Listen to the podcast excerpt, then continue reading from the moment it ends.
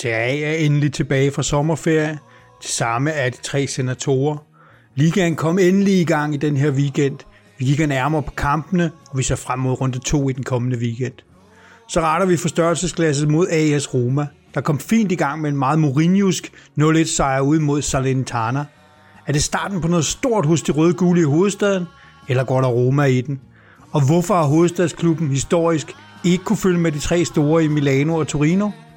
Hvad er der, om noget, galt med den romerske sjæl? Velkommen til.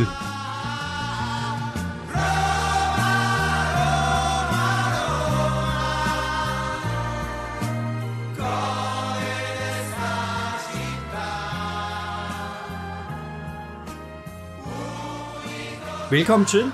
Øh, dem af jer, der ser med, kan jo se, at vi øh, heldigvis har en gæst i dag, og øh, vi skal tale Roma en hel masse, inden at vi taler rundt 1 og rundt 2. Og vi er simpelthen så glade og så heldige for, at vi har fået Alberte med, som er ikke alene Italiens ekspert, til dagligt forsker hos Danmarks Institut for Internationale Studier, men også Roma-fan. Og Alberte, hvordan ender man der? Hvordan bliver man Roma-fan? en selvfølgelig vej, at man som barn forelsker sig øh, dybfølt i Totti.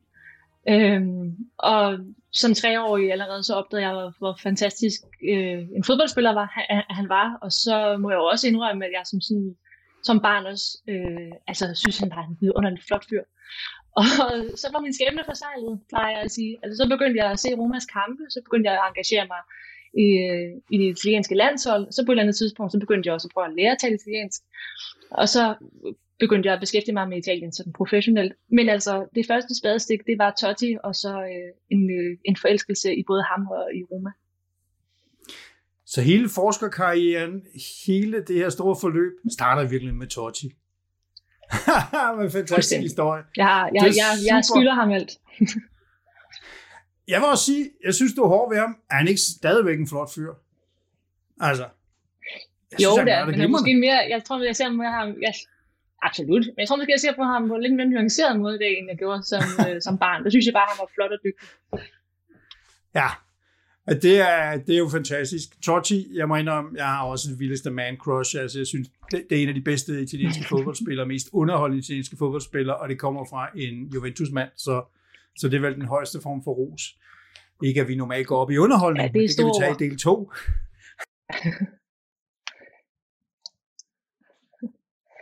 Men det er svært ikke at elske det lange hår og de flotte mål og sådan Ja, præcis. Den der fantastiske teknik og helafleveringerne. Altså, alt ved ham var bare Italien og smukt og lækkert. Det var for os en skam, han spillede dernede. Og ikke vandt mere. Men sådan er det. Vi kan komme tilbage til ham. Der er jo en historie ja, Brian, om, at Berlusconi faktisk gerne ville have købt ham. Og de, de, de probede faktisk på det. Men Berlusconi trak sig faktisk igen, fordi at han var en bandiere. Altså han var jo en, en, en Roma-støtte, altså bare mere end en spiller, der tænkte, ej, det, det vil han alligevel ikke gøre, den der handel der. Det er heller ikke sikkert, at han var kommet til Milan eller noget som helst. En men han, han, PR-historie, mand. Den er fortalt om de fester selv. Det lyder meget som Berlusconi. ja, det vil jeg også sige. Uh, men altså, ja, Totti, det fantastiske menneske. Men inden da, det skal jo ikke være de tre senatorer, uden at vi øh, også kigger på alle de nørdede ting, såsom hvem ejer Roma, hvordan går det med Romas økonomi, er det lige så velfungerende øh, inde i, som det ser ud udefra. Og jeg ved, Thomas, du har, undskyld, Brian, du har forberedt nogle ting. Vis os det endelig, og, og fortæl os lidt om, øh, om Roma. Vi går ikke helt tilbage til klubbens start i 1927, men øh, vi, vi starter lige med, med Franco Sensi tilbage i 93. Fordi han var en, en personlighed, som fik Roma på børsen i øh, 2000. Og øh, efter ham overtog hans datter klubben, Rosella.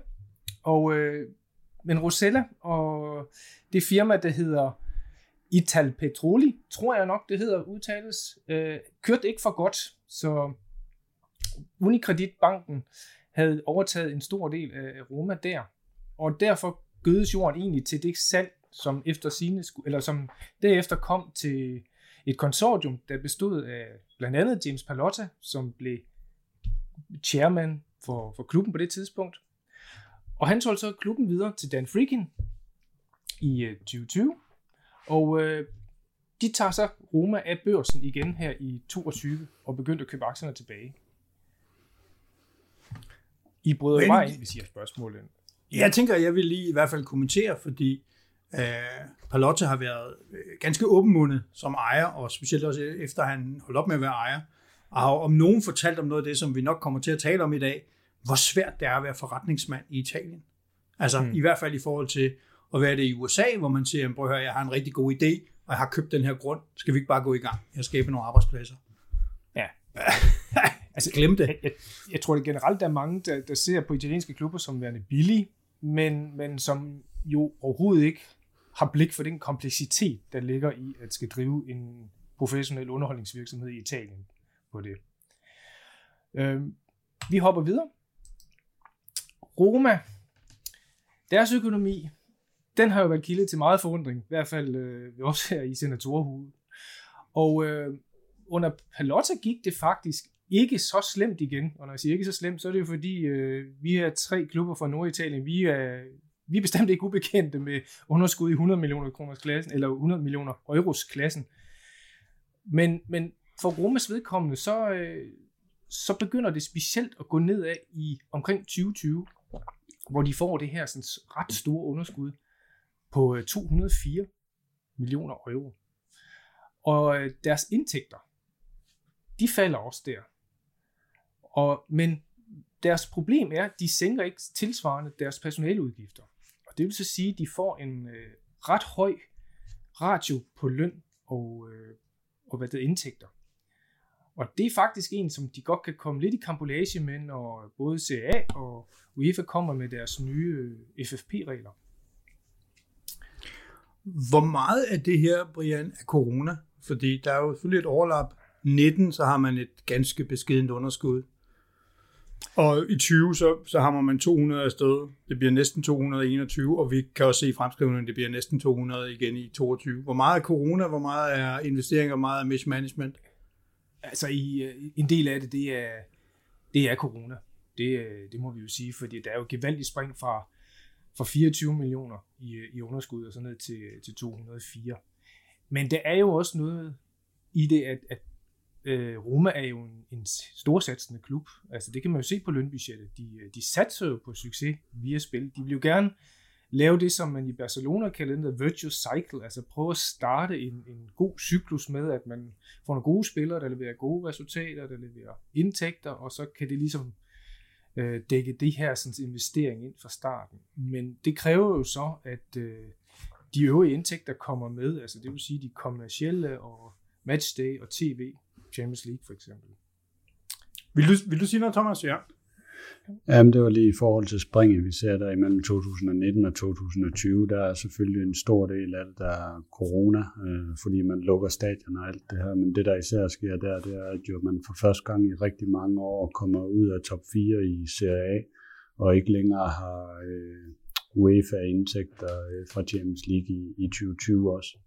Så, øh, så det er, og- som Brian han siger, så fortsætter man jo egentlig med at opretholde det budget og det spillerbudget, man har lagt på siden der og, og satser på den her øh, cyklus, øh, skal vente med at investere sig igennem, øh, investere sig tilbage til, øh, til Champions League og top 4, som vi også har set øh, de sidste par år, og især øh, nu her, øh, også i det her øh, transfervindue. Og noget, som nok kan give lidt kilde til bekymring, det er det her halvårsresultat øh, med udgangen af 21, som allerede der viser et, øh, et underskud på 113 øh, millioner euro. Og det er jo så før de her nye øh, spillersignings, Dybala, dem er kommet ind på det.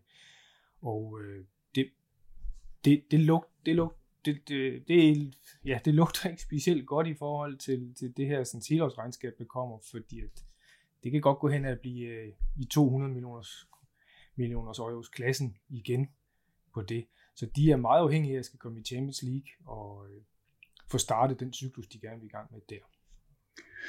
Men jeg tror også, vi kan sige, Brian, at ligesom øh, Milan og Inter, de er meget afhængige af øh, Inter. Nok mere end Milan i øjeblikket selvfølgelig, men man er meget afhængig af det her stadion, før det hele det ser pænt ud ja. I forhold til financial fair play på den lange bane. Øh, og der, der er Roma i, i samme båd som, som de klubber.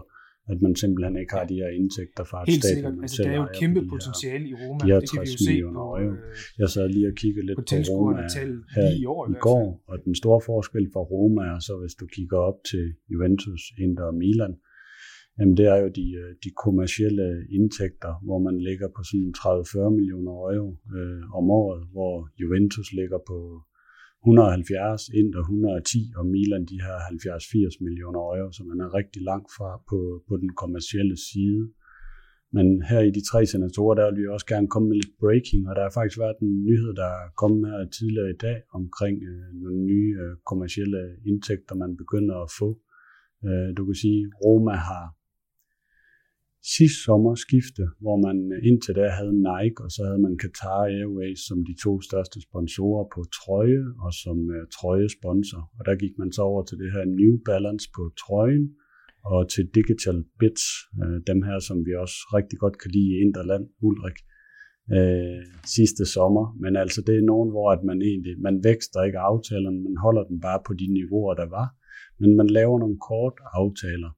Uh, men og det tror jeg egentlig kommer den til gode nu her, fordi der bliver så positive vinder over Rom. Øh, conference øh, League der, som man vinder, og øh, Dybala var i Naldum, og et rigtig godt transfervindue. Og der, er mange rygter om, at man er i gang med at lave en rigtig stor aftale med Adidas, øh, hvor at øh, Dybala var i Naldum, har jo Adidas som personlig sponsor. Og de seneste mm. rygter går på, at man forventer at kan lave en deal med, med Adidas fra med næste sæson på de her 30-40 millioner euro. Og det er altså noget, der ligner næsten fire gange så meget som det, man har i, i eller øh, fem-seks gange så meget nok som det, man har i forvejen. Øh, plus den nyhed, der så kom i dag, er, at man øh, måske får, øh, man har fået Toyota ind på en aftale, som, øh, som ikke rigtig har afsløret detaljerne på, men jeg tror, det er en ret stor aftale. Jeg tror, meningen er, at Toyota skal ind og være trøjesponsor i stedet for, for de her digital bits øh, fra næste sæson også. Så der, der blæser nogle positive vind også der, og det kommer, det kommer hen ad vejen på det kommercielle også, men man skal simpelthen have det der Champions League med, så kan det godt øh, blive rigtig godt. Men det er jo præcis den der virtuous circle, som, som Brian snakker om, som Laporte også snakker om, som er, hvis du er nede i hullet, hvad skal du gøre? Altså, du kan enten spare dig ud af det, så tager det 10 år ligesom øh, AC Milan. Du kan også gå ind og, og investere hårdt og bare pumpe det igennem, og så kommer investorerne, nu kan vi se, hvis det er rigtigt, hvis det er rigtigt, at Toyota kommer ind med et ordentligt læs og, og Adidas, så er de jo nærmest øh, fordoblet eller tredoblet deres kommersielle indtægter. Og oven i det, hvis du så også kan møde dig ind i, uh, i uh, Champions League, så begynder det at blive sjovt. Nå, fint. Ja. Ja, det bliver jo spændende, om de får Adidas som, øh, som ny trøjesponsor. Det, øh, de det har vi jo haft. Det har vi. Ja. vi har haft Adidas. De har lavet nogle af de grimmeste Juventus-trøjer nogensinde. Så hele æstetikken omkring Roma, den kan I godt glemme, ja. hvis det er det. Det er, det er dyrt salg, det her. Ikke? Det er måske det, 40 det, millioner, og så skal du rende rundt i et eller andet cirkus. Kan I huske dengang, hvor de lavede, hvor den ene side var hvid, og den anden var sort og sådan noget? Altså, ja. Ja, de fuckede ja. det godt op. Det gjorde de sgu. Ja. Det må man sige. Det er kun, øh, det er kun Aarhus Inter med det der viskestykke, at de finder ud af at få lavet noget, der var ja, ikke? Nej, ja, nå, ja, videre. Øhm, jamen, bare lige sådan for at rammesætte Roma, jamen, den seneste undersøgelse, jeg har fundet af sådan fordeling af fans, og det, det er, at Roma har cirka 1,8 millioner tifosis. Det skal vi jo som, som sædvanligt ikke tage som helt præcis. Det er jo nogle rundspørger, der er lavet, hvor der er lavet nogle ret store hvad det hedder, eksplorationer fremadrettet. Men tag det som indikation på, det er nok lige omkring under 2 millioner, som er, som er Roma-fans. Det er primært centreret i, øh, i regionen omkring Roma. Og du må lige hjælpe mig, Alberte. Regionen hedder Lazio. Kan det ikke passe? Ja, jo. Ja, til det. Der ligger der omkring. Men hvis vi så kigger på et, et, et bykort, jeg har fundet over, øh, over Rom, hvor de er centreret henad, så, øh, så ser det jo meget ud som om, at, at Romas fans meget ligger i centrum af Rom, mens Lazios fans, som er de blå her, øh, de meget er i, øh, i forstederne til det. Er det også sådan øh, dit indtryk af, af fordelingen af fans? Eller det? Helt afgjort. Og det er også sådan, at Roma gerne vil fremstille sig selv. Altså som, øh, som byens hold. Og så er Lazio øh, rigmændenes hold. Dem, der bor ude i forstaderne, dem, der har øh, råd til luft og øh, øh, mulighed for at se himmel og sollys og sådan noget. De holder så med den der fine, fine Club Lazio, ikke? Ja, okay. Ja. Ja, fine, fine. Og så, Okay. Ja, men altså, det må være sådan, de opfatter sig selv. Ja, ja. Men noget, der lige overrasker mig lidt, når, når jeg ser det kort her i Italien, det er, at hovedstadsklubben stort set kun henter sin, sin opbakning i omkring hovedstaden. Hvor jeg tror, at mange andre lande kan man godt se, at der er lidt øh, generelt øh, opbakning rundt omkring i landet til en hovedstadsklub. Men det er jo, det er jo stort set Juventus på det hele, hvilket jo Ja. er træls at se på. Ja, nej. Men, men at det, ja, det undrer mig jo bare, at- Roma ikke har mere udbredelse udad til. Det undrer faktisk Men- også mig. Øhm, men man kan sige, at det stemmer måske meget godt overens med det her med, at Roma det er hovedstadens hold. Altså, de ligger virkelig meget identitet i det her med at tilhøre Rom. Øhm, jeg ved ikke, om der findes et sådan kort, men jeg har hørt, og det kan godt være, at det er sådan en vandrehistorie, som Roma-fans bare fortæller sig selv, men at man globalt set faktisk er en af de klubber, som henter flest fans øh, rundt omkring i verden. Hvilket så måske igen kunne stemme overens med, at det er glade turister, som kommer til Rom og bliver forelsket i Rom, og derfor øh, adapterer byens klub. Ja, jeg mener det er nummer 5, når vi ser de der opgørelser. Milan er nummer 1, øh, Inter 2, Juventus 3, og så bliver jeg lige i tvivl om det er Napoli eller Roma, der ligger. Okay. Og vipper på den sidste der, men øh, den, den er i hvert fald på, øh, på skubbet. Det er sjovt, øh, alle Brians statistikker har Milan som nummer 1. ja, det, det, det er en tilfældig statistikbank. Har, har I set fodnoterne på dem der? Nej, det har vi ikke. Det er ikke peer-reviewed noget som helst af det der. Uh, ja, men det er ingen... fornemt, fornemt. En lille intro ind i, uh, sådan fodboldklubben, øh, mm. ejet af amerikanere, har efterhånden været det noget tid. De putter mange penge ind i Rom, eller i Roma for at prøve at lave den her virtue cycle og prøve at mm. blive et, et top 4 hold, måske et mesterskabshold, et Champions League hold og en god forretning, som amerikanerne jo godt kan lide. Uh, men øh, Brian, du har jo egentlig forberedt nogle spørgsmål. Jeg synes, vi skal udnytte, at øh, vi har Alberte som andet end bare lytter og ser. Og Måske spørge hende om nogle af alle de ting, vi påstår at have forstand på. Ja, jamen det første spørgsmål det er, hvad synes du egentlig om Roma i år? Altså, er der noget stort i vente? Som en god Roma-fan, så selvfølgelig er det det. Altså hvert år jeg ser jeg i hvert fald som sådan en mulighed for, at hvis tavlen rent at starte forfra. Og jeg synes også, øhm, altså fordi det er ikke alle Roma-fans, som deler den der evige optimisme. Jeg synes også, at det er en optimisme, som, som breder sig. Måske også, altså vi, vi har jo helt sikkert også set øh, måden, man tog imod Dybala på. Altså den begejstring for ham, synes jeg virkelig, man kan spore øh, blandt Romas fans. Det minder lidt om gang, at Mourinho kom til klubben. Altså nu regner man virkelig med, at øh, det store kavaleri bliver kørt ud. Og også en opgørelse over de mest sandsynlige udfald øh, på, hvordan Serie A ser ud om et år. Og rigtig mange Roma-fans mener, at Roma er placeret alt for lavt. Så jeg tror faktisk, at der i hvert fald sådan blandt fans er en, ikke bare en forhåbning, men altså en følelse af, at det faktisk godt kunne gå godt. At det faktisk kunne blive, øh, blive lykkeligt. Og så har Mourinho så været ude og sige vanvittige ting, som for eksempel, at han synes, Lazio er den bedste klub i år, og at han ikke helt synes, at øh, man har man har fået fat i de spillere, man burde og sådan noget. Og det er selvfølgelig virkelig malmotiveret. Men med, men med det sagt, så hvis man ikke ignorerer, hvad vores egen træner siger, så synes jeg, at det ser øh, altså, øh, fint ud. Ja? Det er jo en klassisk, de må, klassisk Mourinho, det der. Ja. Altså Det der. fuldstændig. Også bare gå ud. Han blev også spurgt, om de var mesterskabskandidater. Ja, hvis der var 18 uh, Ja. trofæer, der blev uddelt, ikke? fordi at der var kun to klubber, der havde, der havde købt mindre end dem. Ikke? Og så, så Mm. laver han lige sådan en Mourinho-finte, altså tager han kun transferspændt, og lad være med at kigge på de der free transfers og kæmpe lønninger. Og så videre. Mm. Han er en rigtig bandit, ikke? Men, men heldigvis er han en bandit, der nu er i CA. Ja, og jeg synes også faktisk fra Romas side, altså sådan den eneste, som, eller de, eller de eneste, som du har irriteret øh, mere, at Mourinho var ude og sige, at han mente, at Lazio ville klare sig bedre end Roma. Det tror jeg sådan set er Lazio, fordi det er også sådan lidt, altså noget af et pres. Og jeg synes også, at man kunne fornemme på dem, at det er sådan, prøver de så sådan set ikke om at blive kåret som favoritter af deres ærkefamilie. Nej, han er jo god til at sparke en bold videre til andre, Mm. som andre så skal generes på. Ikke? Mm. Det er det. Man, man kan jo sige, det der, det der lykkes i Rom lige nu indtil videre, det er at skabe håb. Lige præcis. Og det, det, det bedste en fodboldledelse kan gøre og spille, det er jo at skabe håb ved fans. Det er jo det, vi lever af for fanden. Fordi vi ved jo udmærket godt, at, at håb bliver altid slukket statistisk set hen over en sæson, for vi kan jo ikke alle vinde. Mm. Men bare det at have det der håb, det kan være, det bliver. Ikke? Det, det, er jo, det er jo guld værd. Mm. Men, men der er håb i Rom. Men hvordan vil du beskrive Rom? Sådan historisk og... Rom som by, eller, eller klubben? Øh, Rom som by. Mm, for jeg tror faktisk, det er nogle ting, som, øh, hvis jeg beskriver Rom som by, så tror jeg også en del af Romas identitet øh, hænger fast i det. Altså, øh, romerne og Roma-fansene betragter Rom øh, som verdens navle. Øh, historien starter i Rom. Altså, når man kigger på Rom, så forstår man, at øh, alt det, der går forud, altså fortiden, øh, legenderne, myterne om byen, de fylder så meget i romernes nutidige bevidsthed. Det er også svært at glemme. Man kan jo knap tage fire skridt, uden man rammer ind i en eller anden øh, gammel ruin, eller nogle mursten, der er 2000 år gamle, eller lignende. Så man står ligesom på skuldrene af en arv, man har hele vejen tilbage på romeriet. Og så sådan, for at sige det sådan lidt poppet, ikke også? så har de sidste 2000 år ikke helt, eller sidste 1500 år, ikke helt præsteret lige så godt.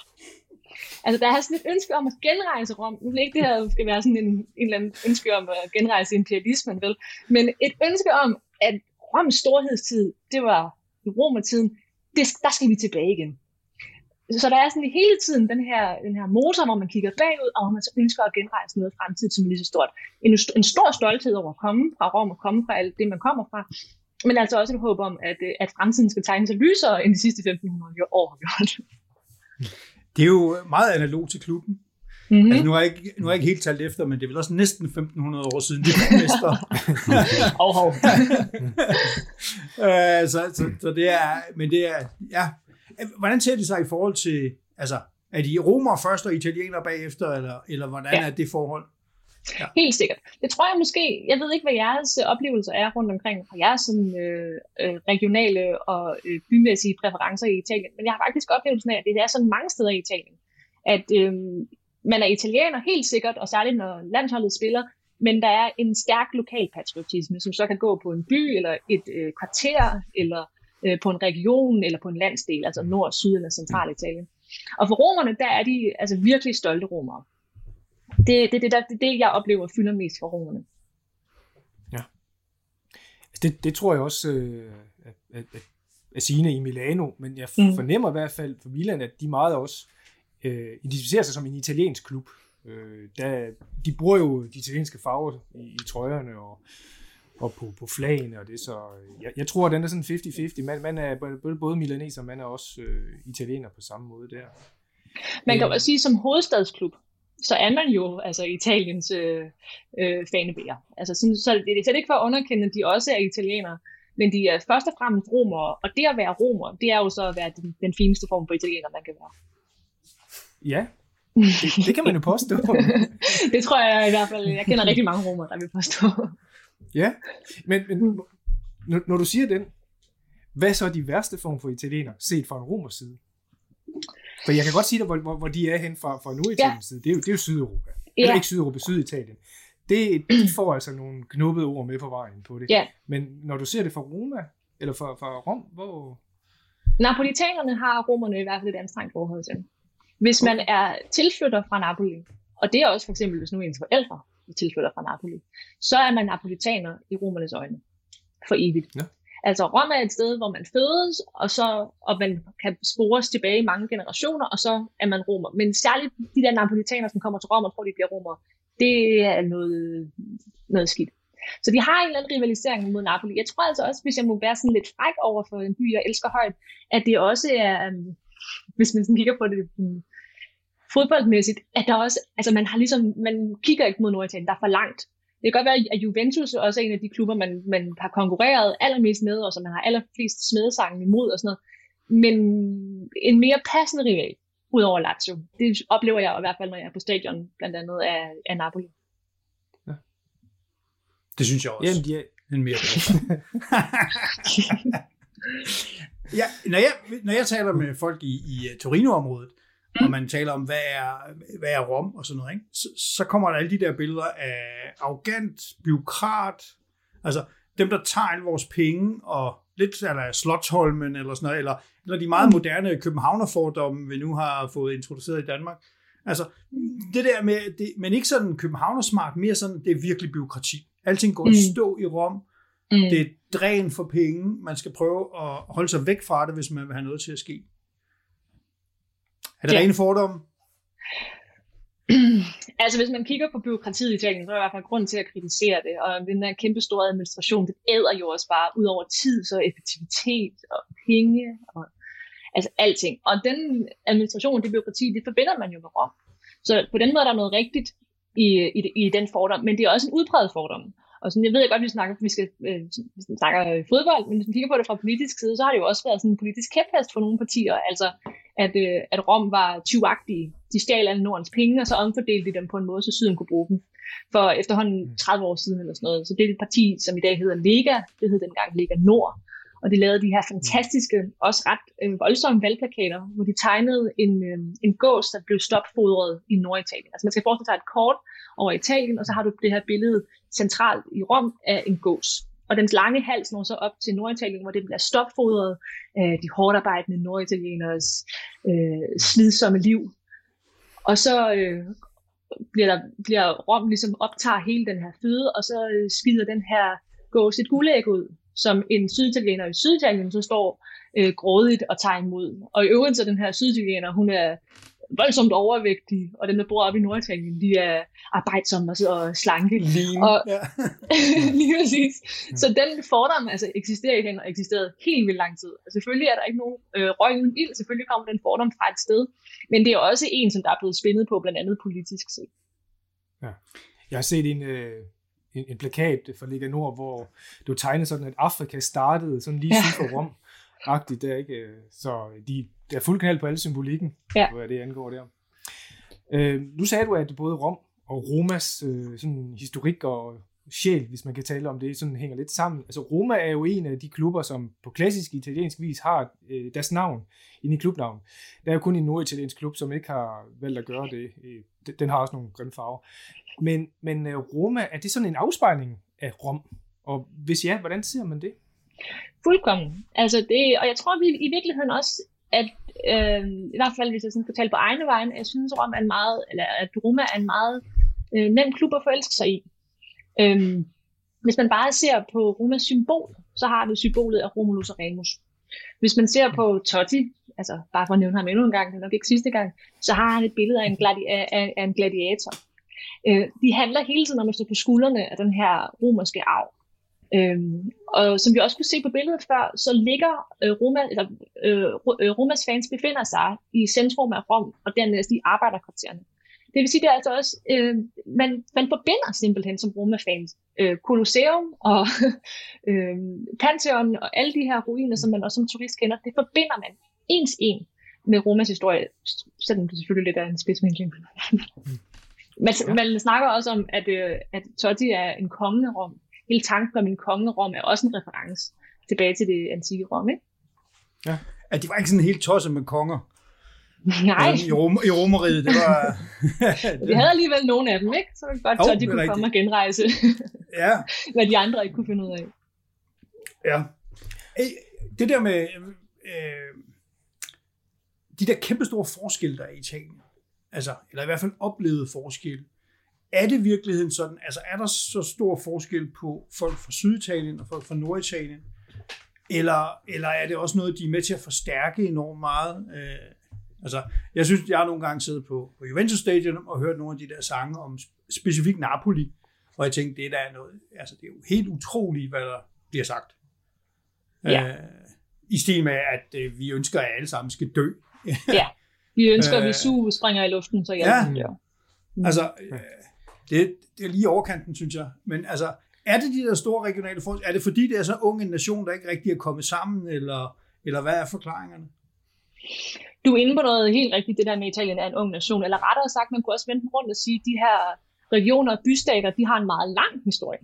Altså, øh, kontrasten til det, så er Italien jo et meget, meget ungt land. Og der er helt klart øh, en forskel, man både kan forstørre og formindske. Altså, de spiser alle sammen pasta. Øh, de holder alle sammen med deres landshold. Øh, altså, der er nogle fælles træk, ikke? Også de, har, vi ser det samme fjernsynet efterhånden, de taler det samme sprog. De der forskelle, som har været meget udbredt også bare i det 20. århundrede, de, de bliver også gradvist mindre. Men der er forskelle, og de forskelle der, de dyrkes også. Nu snakkede vi før om det der med lokal patriotisme, det er jo også en måde at dyrke det på. Øhm, så de dyrker de der lokale forskelle. Der er dialektforskelle der er øh, forskel på, hvordan man spiser sin pasta. øhm, og på den måde føler man jo også, at der er en, en, en forskel af, hvilket sindelag man for eksempel har. Øhm, altså selvfølgelig præget af fordomme, ikke også, men der er noget med, at man jo at man, øh, i Rom og syd for Rom særligt tager det lidt langsomt og er lidt rolig og lader dagene gå, uden der sker så meget måske, og at man er mere effektiv i Norditalien. Et, og, og, og, hvis vi kigger på, hvis vi kigger på Rom, så nu springer jeg bare i, i Brians manuskript her, men kigger på Rom og Roma, så de kun vundet tre mesterskaber i den tid, vi har haft serie.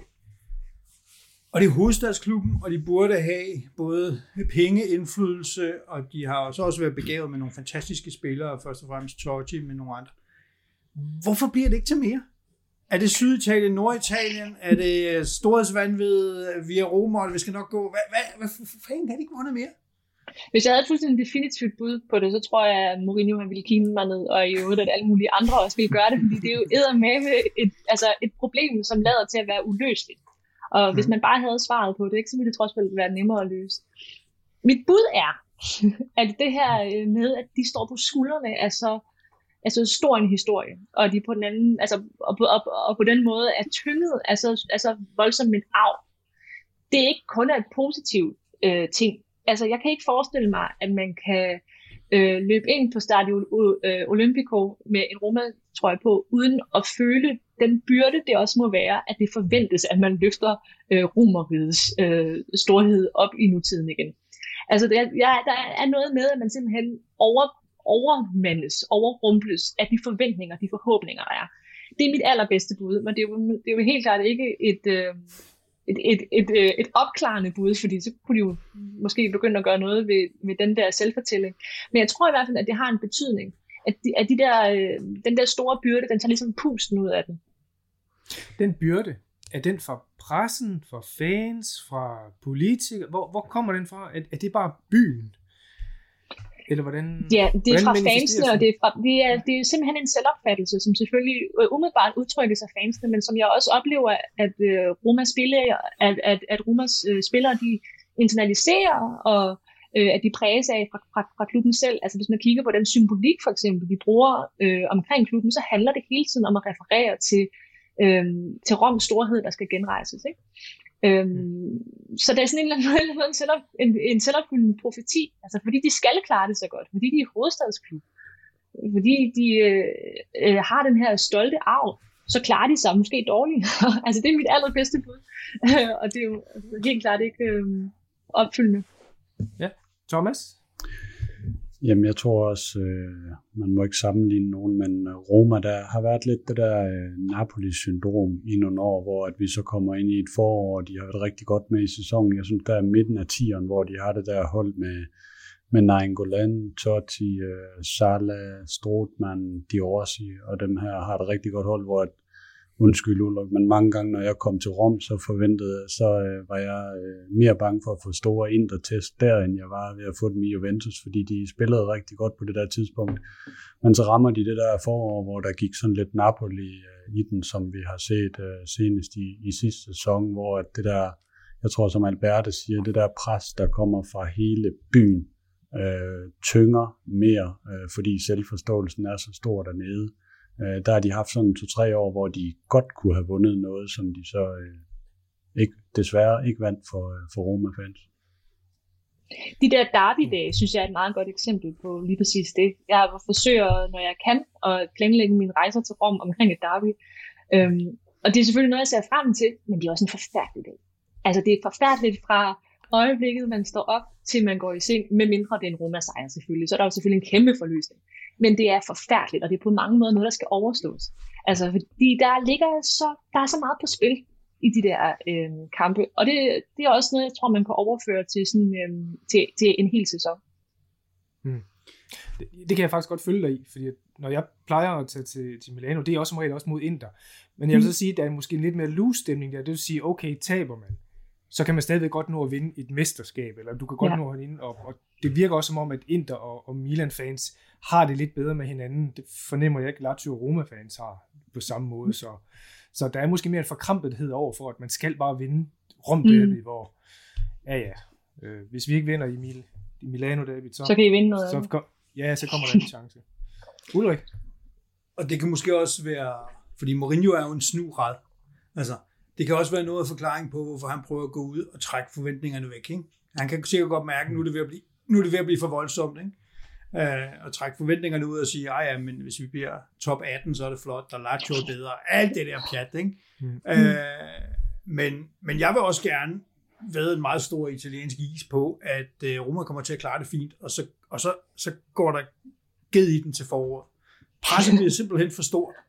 Mm. Øh, og øh, og, øh, og jeg, jeg kan godt se, se dem virkelig, øh, virkelig, virkelig glide ud af top 4 eller noget af den stil, fordi det er et enormt pres, som du lige har beskrevet. Altså, det er sådan set romerigets øh, øh, eftermæle, øh, man, skal, man skal løfte, når man går ind og spiller mod øh, Empoli. Ikke?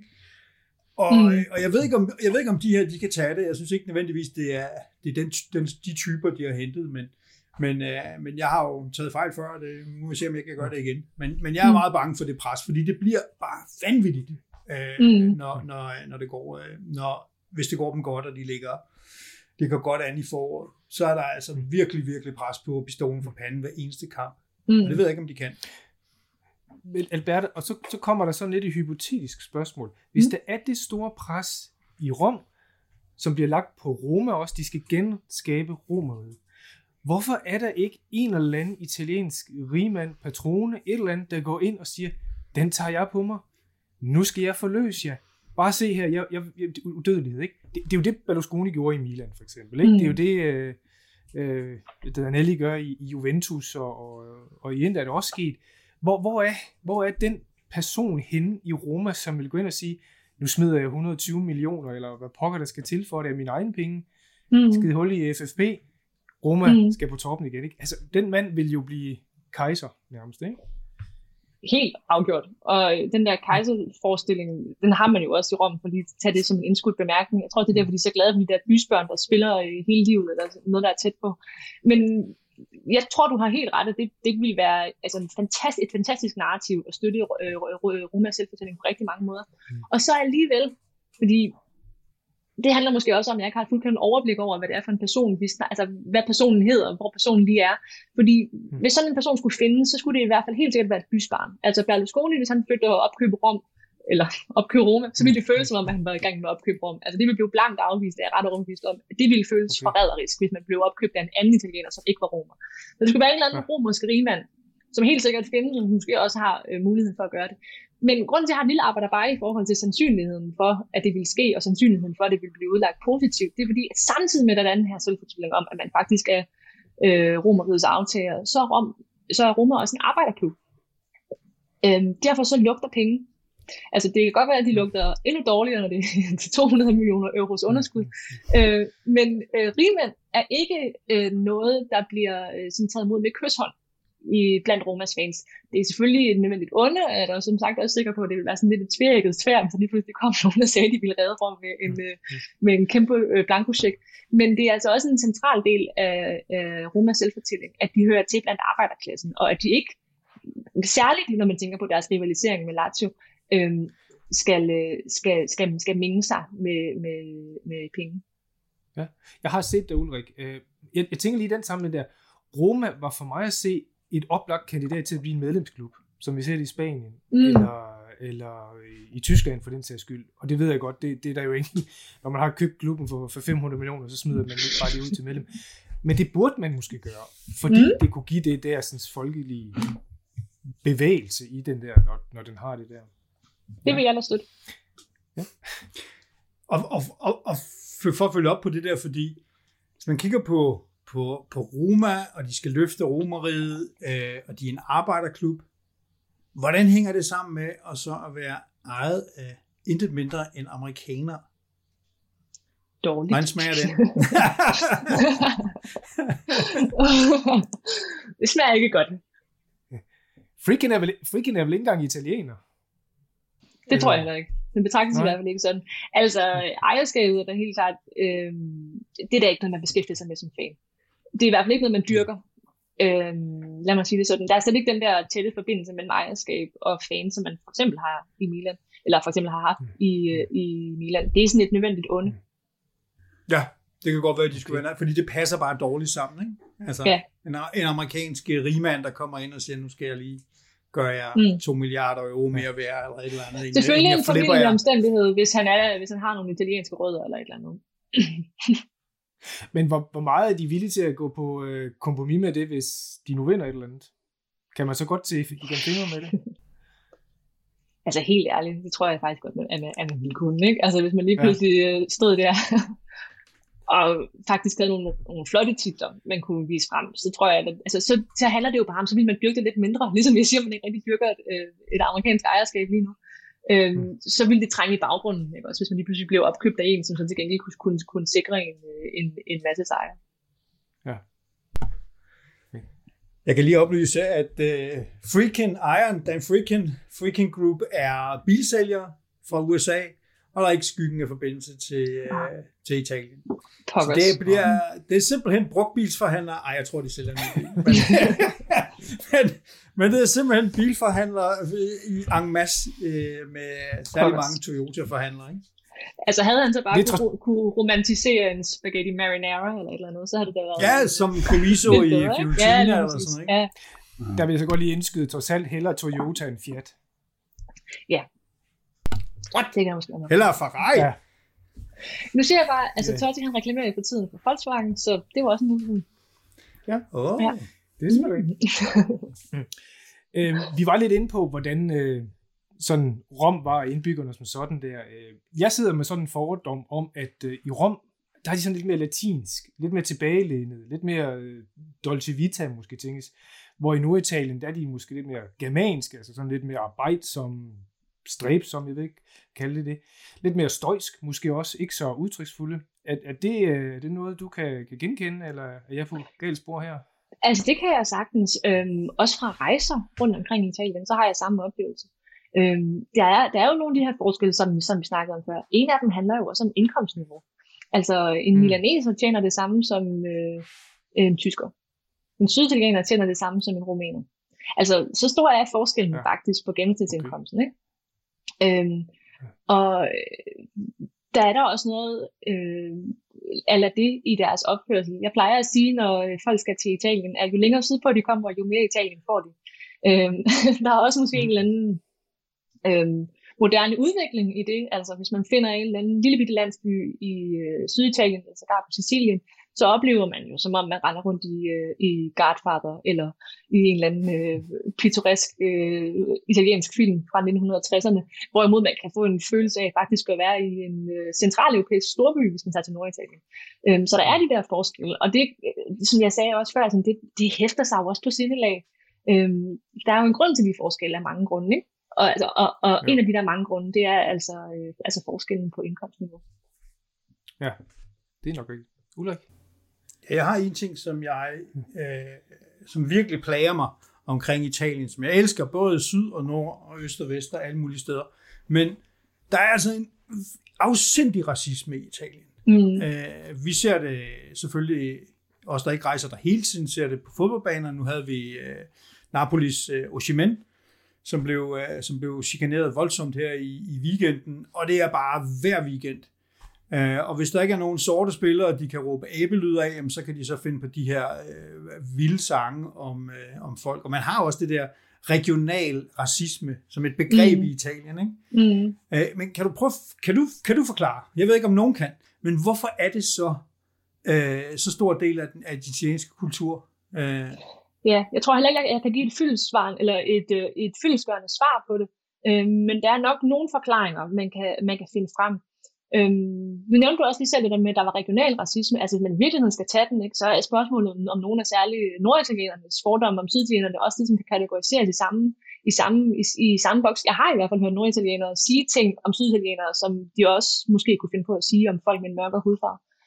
Øhm, jeg tror som sagt, der er flere grunde til det, og så kan man ligesom selv vælge, hvilken en af dem man vil tage, og nogle af dem er mildere end andre. Det mildeste handler måske om, at Italien har øh, ikke en historik, sådan, der kan sammenlignes med for eksempel øh, Storbritannien og Premier Leagues historik for sorte spillere.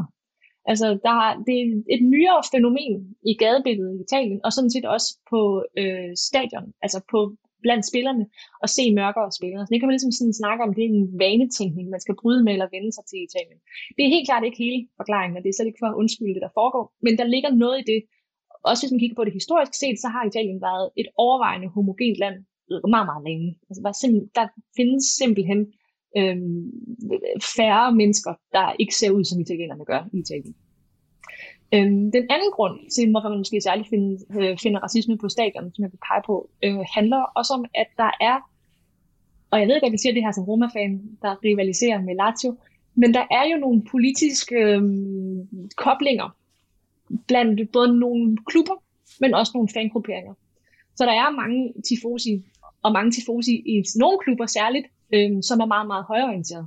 og hvor de der øh, racistiske trupper ikke bare er noget, de tager med sig på stadion, men også noget, som præger, hvem de stemmer på, hvordan de opfører sig i øvrigt.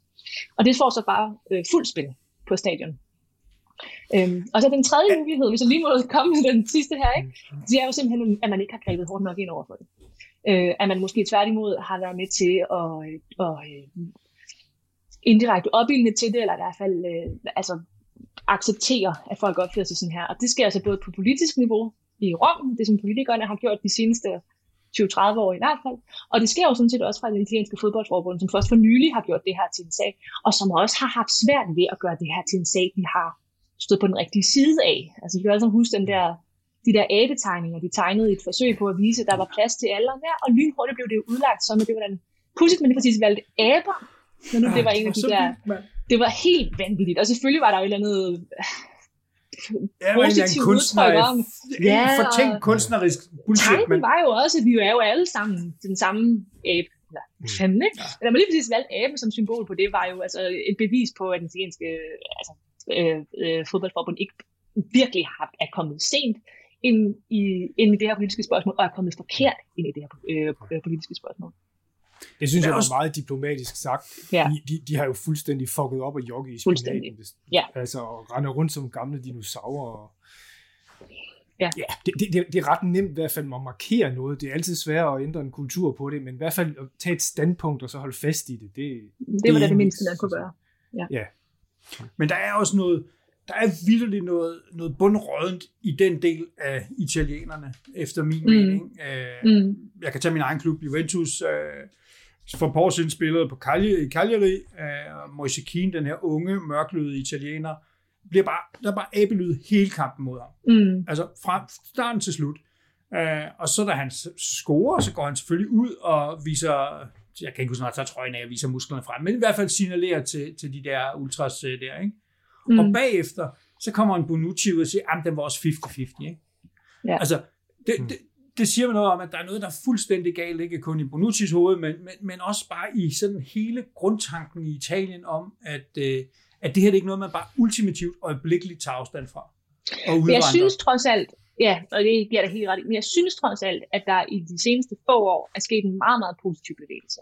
Jeg synes, der er flere spillere, øh, eksempelvis, som er ude at tage klart afstand fra det, fra det der foregår, hmm. som der ikke har været tidligere. Kan I huske, hvem det var, der udvandrede? Skulle Mutardi, hvem var det? Kan I huske, hvem var? Thomas, ja, kan du det var Suleiman, Suleiman Tari, han udvandrede i Cagliari, mener. Ja, det er rigtigt, ja. Han, han, han, sagde bare farvel, det gider jeg ikke at høre på. Kevin uh, Boateng's Kevin Boateng Prince udvandrede også en gang for Milan mm. ved at være mange år siden, og så kom de med de der lidt kiksede t-shirt, AC Milan against racism. Mm. Ja, selvfølgelig er I det. Hvad er alternativet? Uh, det er som typisk Berlusconi, men uh, men det, det, er jo, der er jo sket nogle tiltag på det, men jeg tror lige nok med den Bonici, og det, jeg synes også, man kikset, men jeg tror også, der ligger det i det. Der er også en respekt for fans. Du går ikke ud og provokerer fans unødvendigt. Den, den, den læste jeg lidt ind i det, men det var bare malplaceret i det her tidspunkt, og det er der, jeg synes, det mange gange, jeg tror egentlig, deres intentioner er okay. Det er bare kikset, og det er kikset, fordi de ikke ved, hvad ben de skal stå på, i, i stedet for at sige, nej, det stopper her, vi gider ikke have det. Og ja, det må også koste nogle fans. Eller, ah, nu skal vi lige prøve at gøre alle glade, vi skal helst ikke genere nogens følelser. Men der er jo altså nogen, der står direkte og råber had til, til nogen. Ikke? Så, så det der med at genere nogens følelser, er vi jo langt over nu. Ikke? Så det gælder om at få nogle standpunkter, og så handle på det. Hvis jeg, hvis jeg kan nå det, så vil jeg godt tilbage til det der med ultragrupperne, og at øh, nu har vi jo en ekspert i højorienterede italienere. øh, er det rigtigt, at de er primært højorienterede, de her ultragrupper, altså dem, der, det, det vi ser på stadions, og i givet fald, hvordan kan det være? Altså uden overhovedet at have nogen statistik øh, for det, så vil jeg i hvert fald sige, at de mest toneangivende, som jeg oplever, når jeg er på stadion, de er højorienterede. Det gælder øh, både når jeg ser Romas fans, men også når jeg ser øh, andres fans. Øhm, hvorfor er de så de mest toneangivende? Det er måske både de mest højlytte og de mest voldsparate. Jeg har helt klart ingen opfattelse af det at være øh, fodboldfan, det medvirker, at man er højorienteret på nogen måde, vel? Mm. Eller for den sags skyld, at det, at man står på øh, i fansaktionen, betyder, at man er højorienteret. Men der er et eller andet overtag, øh, der er, er sket i den retning der. Øh, hvad kan grunden være? Jeg tror sådan set, der er forskellige grunde fra, fra klub til klub. I 70'erne og 80'erne, der oplevede man i Italien på en politisk niveau en radikalisering. Øh, altså efter nogle år, der, hvor der havde været relativt ro på, relativt ro på, ikke? Øh, efter 2. verdenskrig, så oplevede man en genradikalisering. Der var rigtig meget terror, både fra kommunisterne og fra fascister. Og den radikalisering, den, tog, den, den forplantede sig i tribunerne. Øh, og mange af de øh, ultragrupper, man ser i dag, som også er dem, som er klar til at bruge vold, og som er fuldstændig, øh, altså uden for pædagogisk rækkevidde, de kan spores tilbage til den der øh, øh radikalisering i 70'erne og 80'erne. Thomas? Jeg ved sådan selv fra, fra Inter-fans, de øh, har jo også nogle, nogle højere orienterede tendenser, de værste af dem. Øh, og der har altid været sådan en øh, skøn i gåsøjen øh, træenighed imellem Atalanta, Inter og Lazio, som har været sådan lidt venskabsklubber, eller hvad kan man sige det på den måde, eller deres fans forstår i hvert fald hinanden på, på en eller anden øh, racistisk måde, hvis vi kan sige det sådan. Har Roma en eller anden øh, venskabsklub, eller nogle fans, de sådan sympatiserer med, eller sammenligner sig selv med, eller? Hmm. Det er et godt spørgsmål. Det tror jeg sådan set, at mange Roma-fans har, altså nogle, de sympatiserer mere med end andre. Men jeg tror ikke, jeg kan komme med noget entydigt, altså det selvfølgelig har man det, men jeg kan ikke komme med noget entydigt svar. Øhm, det, det, det kan jeg simpelthen ikke. Altså den, det der fylder mig for Roma-fans, det er, at alle dem, de hader så kender man ligesom øh, øh, fankultur igen, ikke? Ja, men der er heller ikke noget bedre til at skabe sammenhold internt, det her at finde fælles Jamen, jeg hader jo, hver gang jeg skal tale om Roma, hvor meget jeg snakker om men, jeg Lazio, tror... men det er jo en del af det, ikke også? Altså, øh, for at forstå Roma, så må man forstå, hvor meget de hader Lazio. Øh, noget af det, som jeg synes er meget fascinerende med at gå på stadion i Italien, det er netop de her ultragrupper, øh, som jo laver øh, øh, tifoer og styre hele øh, stemningen på stadion, og hos Juventus, der har vi jo en periode, hvor vi måtte leve uden dem, fordi vi havde, var i konflikt med dem, og det tror jeg også, der har været i Rom i en periode, at man har taget et opgør med dem. Og grundlæggende så er det jo nogle øh, fantastiske gevinster på stadion, og nogle helt utrolig ubehagelige banditter øh, samtidig. Mm. Øh, er der en bevægelse i Italien, hvor man prøver at gøre op med de her ultras og er det godt for fodbolden? bare, jeg svinger bare de store ja. spørgsmål ud, ikke? jeg er ikke klar over, om man forsøger det fra centralt hold. Jeg har ikke indtryk af det, når jeg er på stadion. Det har jeg Nej. virkelig ikke. Tværtimod synes jeg, at mange af den der... Øhm, meget af den optræden, som man ser på i fansektionerne, den forplanter sig også på familietribunerne øh, øh, nu. Og som sagt, jeg ved godt, at jeg er Roma-fan, men her kommer alligevel en personlig anekdote om, at jeg engang har siddet blandt Lazio-fans, fordi der var et derby, og det var på Lazios hjemmebane, og jeg ville rigtig gerne ind og se kampen, og det var altså helt umuligt, hvis jeg gerne ville sidde blandt Roma-fans. Så jeg øh, gik undercover som øh, Lazio-fan, eller i hvert fald som glad turist, og satte mig på familietribunerne øh, hos Lazio. Jeg udvandrede selvfølgelig, fordi øh, øh Roma stod til at tage, for det var faktisk virkelig modbydeligt at sidde der og, blandt mennesker, som, som nød det. Men ikke desto mindre så nåede jeg i hvert fald så længe, at jeg så familiefædre hejle. jeg så, der blev råbt øh, fascistiske slagord øh, fra øh, fansektionen til familietribunen, som så blev besvaret. Og jeg er godt klar over, at det ikke repræsenterer alle Lazio's fans. Det ved jeg faktisk godt et andet sted, selvom jeg er Roma-fan. Men det var rystet mig. Det rystede mig fuldstændig, at en klubs almindelige fans, øhm, de spillede med på den gelej. Ja, det er, det er virkelig dybt problematisk. En ting er, at du har de klassiske gesturer, men altså den der hejl, den er fandme, den er voldsom symbol, ikke? Det var helt vanvittigt. Ja, det er det. Er der noget håb for Italien? Altså, hvis vi bliver ved de store spørgsmål, mand. Ældrebyrde, fascisme, racisme. Ja. Oh. Lav, lav fødselsrate, ja, ja. Det hele skal nok gå. Det hele skal nok gå. Ja, det hele skal nok gå. Altså, jeg beskæftiger mig virkelig med nogle af de mørkeste afkroge i Skens politik, og de er eddermame med mørke, nogle af dem. Men hvad man så kan, kan mundre sig med, det er, at italiensk politik også er meget omskifteligt. altså, der er ganske vist et meget øh, etableret og stabilt system fra øh, 2. Verdenskrigs afslutning og indtil Berlusconis øh, indtræden i italiensk politik. Men lige siden, så har pendulet svinget så har der været vanvittige politikere, der har været vanvittige regeringer. Der har også været stabilitetssøgende regeringer og stabilitetssøgende politikere. Øh, man kan selvfølgelig sige, at der er måske ikke en stor positiv udvikling. Det er ikke fordi, de store positive reformer, de kommer i morgen eller i overmorgen. Det er ikke fordi, det hele øh, pludselig vender vi ved årsskiftet, eller næste år måske, kan se et Italien, som er totalt antiracistisk, og hvor de her ekstremt voldelige grupperinger på stadion, de ikke findes. Men jeg tror ikke, det går i den forkerte retning. Jeg tror, i det overordnede billede, så går det i den rigtige retning. Okay, det var jeg har to, jeg har to spørgsmål til sidst. En uh, lidt i den alvorlige boldgade, og så en, uh, en rigtig positiv en til sidst. Den, den, den alvorlige boldgade, det, det er jo, vi nævnte, Thomas var jo inde på før, at uh, Roma som Milan trænger til et nyt stadion, der både kan give nye faciliteter, men også generere noget indtægt. Hvor, hvorfor vurderer du er det så pokker svært at lave en gang stål, glas og beton, som folk kan sidde og se fodbold i i Italien. Altså, det bør jo være en no-brainer. Det er fandme også så... uforståeligt, altså. Uh, hidtil, så er det i hvert fald en, en proces, som lidt er uh, altså, sandet til, når den kom ind på rådhuset. Ikke? Altså, når, når, når de der administrative lag skulle til at sige ja til det, så har det været den ene eller den anden eller den tredje grund, der har stoppet projektet. Øhm, det handler altså også om, at det er virkelig svært at bygge Rom. Der er så meget gammel lort alle steder. Og man skal respektere alt det gamle lort, fordi alt det der gamle lort, det har jo en vanvittig arkeologisk øh, øh, vigtighed. Ikke? Ja. Men det er svært at bygge Rom, og det er svært lige at finde øh, plads til et stadion, hvor, øh, hvor, hvor folk kan stille sig tilfredse med det, hvor Romas fans vil kunne stille sig tilfredse med det, og hvor administrationen også vil være tilfredse med det. Ja. Altså, vi kan, jeg troede, da Milan og Inter gik sammen, nu skulle de nok også, altså nu skulle de vise dem dernede i Rom, hvordan gør man det i Norditalien. Men det er jo været på fjerde år nu, for pokker, de kører stadigvæk. Ja. På det, og det kommer jo til at gå ligesom, det går i det tager jo 10 år. Og det er jo, Fuldstændig. Ja, hvorfor? Brian, det er der er jo nogen, der har vist, hvordan man skal gøre det. Det tog 9 år for jer. 9 år. Ah! Rolig. Interessant, det har jo næsten taget 100 år i Italien. Altså. Ja. Eller i, i, i, i Rom, ikke? Jo.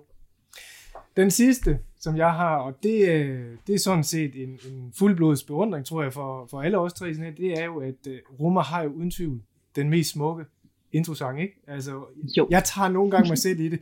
De, vi sidder jo i en lukket kreds, der er ingen, der hører det her, og går og nynne Roma, Roma, Roma lidt, fordi det er fandme en fed melodi. What? Fantastisk. Hvordan, hvordan er det at stå og synge den på Olympico? Jeg flæber hver gang. Ja, men måske også, fordi jeg ikke gør det så tit desværre. Vel? Altså, nu har jeg bopæl i København, og så ofte kan jeg altså ikke mm. være om at se deres kampe. Det er fuldstændig fantastisk. Det er, øh, man, kan, det kan slet ikke, man kan slet ikke forberede sig på, hvad vidunderligt det er.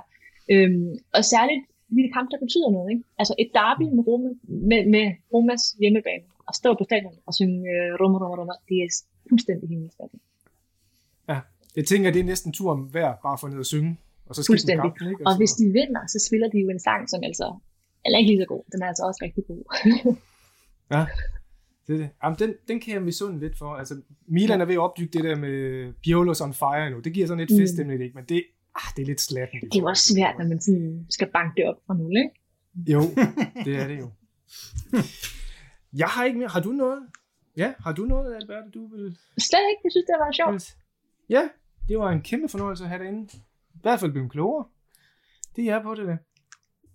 Helt utrolig super fornøjelse. Uh, hvis man skal fange Alberte, så kan man gøre det på Twitter. Uh, Boverud, B-O-V-E-R-U-D. Eller så kan man slå hende op ja. på internettet. Lige nu ser hun frossen ud. Uh, så det kan godt være, hun ryger af lige om lidt. Men det var en fornøjelse. Ja, tusind tak, Andreas.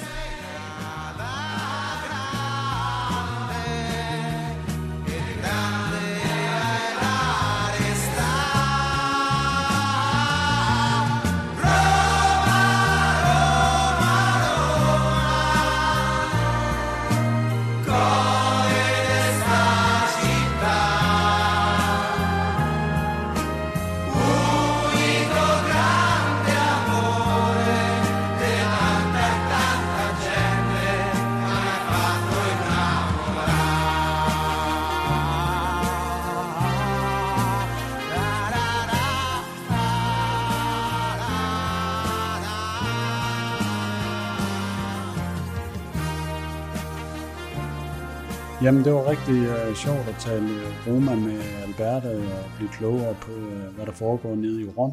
Det er rigtig lang tid siden, at vi har snakket om det, det her det virkelig handler om for alle. Fodbold på banen. Nu har vi snakket Mercato og transferrygter, men nu skal vi altså også videre og snakke om det, det primært skal handle om for os. Fodbold ude på grøntsværene. vi kom i gang i den her weekend med første runde af Serie A i sæsonen 22-23 længe ventet premiere midt i. Alle italienerne, de også er på sommerferie. Men hvis vi lige øh, skal tage en, en runden rundt og vinde første spillerunde, så synes jeg, at vi skal starte fra, fra toppen, og det bliver både fra toppen af tabellen fra sidste år, og også den første kamp, der blev spillet i år, der var i runden, nemlig på San Siro, Milan mod Udinese.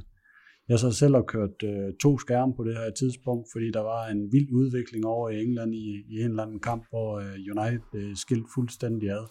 Så jeg fanger kun Milan med et halvt øje undervejs. Øh, så Brian, kan du ikke øh, prøve at tage os igennem øh, Milans første kamp? Var den godkendt over hele linjen? Øh, den er i hvert fald godkendt, men jeg vil ikke sige over hele linjen. De starter jo nærmest øh, traditionelt med at komme bagud, ligesom de gjorde i sidste sæson, men formår så at kæmpe sig videre med det der aggressive pres og det der energiske spil, de har, der, der meget sådan er, er dynamisk. Øh, glædeligt for Milans fans, så er sådan en som Brahim Diaz, han levede enormt godt op i den kamp, og det gjorde Ante Rebic også. To af dem, som har hængt ganske gevaldigt med røven i vandskorben i, i sidste sæson og var noget fodslæbende, de, øh, de var her der alle vegne, og øh, scorede jo også en del på det. Så det, det tegner godt, også fordi at Milan egentlig er bedre besat på de pladser i år, end de var sidste år. Så øh, det, det, det tyder på lidt øh, konkurrence, har gjort dem godt. Og så fik, øh, så fik vi også debut til øh, en hel del nye spillere, både Wiggy og, og Charles de Catalera, tror jeg, det udtales. Jeg tror, det er lortet navn, mand. jeg tror ikke, ja. Jeg tror sgu ikke helt, jeg kommer til at lære det, men på et tidspunkt, når han har scoret nok, så har vi vel sagt det tilpas, så, så det sidder på det. Så jeg vil sige, en, en rigtig godkendt 4-2 og på et fyldt stadion. Øh, Milan virker godt forberedt. Milan øh, kom godt fra starten af, så, øh, så jeg er godt i gang for, for de røde-sorte side. Af det jeg så af det i hvert fald, så bemærkede jeg især øh, på midten af banen, øh, Benacer, han så ud til at have en helt øh, forrygende kamp, og det var ikke sådan lige det, vi i hvert fald var i tvivl om, da vi lavede os med, med Kato-afsnit, det var det der omkring fraværet af Keshe, hvad det kunne komme til at betyde, men altså, jeg ved godt, Udinese, det er så nok heller ikke den skarpeste modstander, der, der kan møde op, men Benacer, og så Krunic, mener jeg, det var, han ja. lå derinde med, øh, han, han var rigtig god, øh, ja. Algieren der. Ja, han virker til at være tilbage fra sin, sin lange skadesperiode. Han var sådan lidt, hvor jeg var der på 80%, 90% i, i forårssæsonen, efter han kom tilbage. Men han virker til at være, være fuldt ud nu, og øh, har en enorm arbejdsradius. Virkelig. Jeg har set nogle heatmaps af ham, hvor han næsten er sådan box-til-box spiller på det, og netop også fordi, at Tonali ikke med, det var Krunic. Så tænker jeg også, det, han, han går en god sæson med, hvis hans bentøj holder. Så det krydser vi fingre for. Jeg synes også, det var, det var, det var en flot debut, og, og Milan kørte sådan set videre på det samme høje energiniveau. Uh, der var vel to forskelle i forhold til, til, hvordan man sluttede sæsonen. Det første var, at forsvaret indimellem så lidt, uh, lidt usikkert ud. Mm. Uh, lidt, lidt rustent. Og, uh, og så i den anden ende, at man uh, tidligere var en stor problem ikke at lave mål nok, og være afhængig af, af Giroud, og nu laver man lige pludselig fire kasser. Ikke? Helt, mm. uh, helt usædvanligt. Så uh, så jeg synes, det ser flot ud. Jeg synes, at Milan ser ud, som om de har fortsætter den der enormt positive energi, som, øh, som man gik ud af sidste år med. Man kunne sagtens forestille sig, at man nu havde man ligesom nået målet. Ikke? Nu, nu, ikke?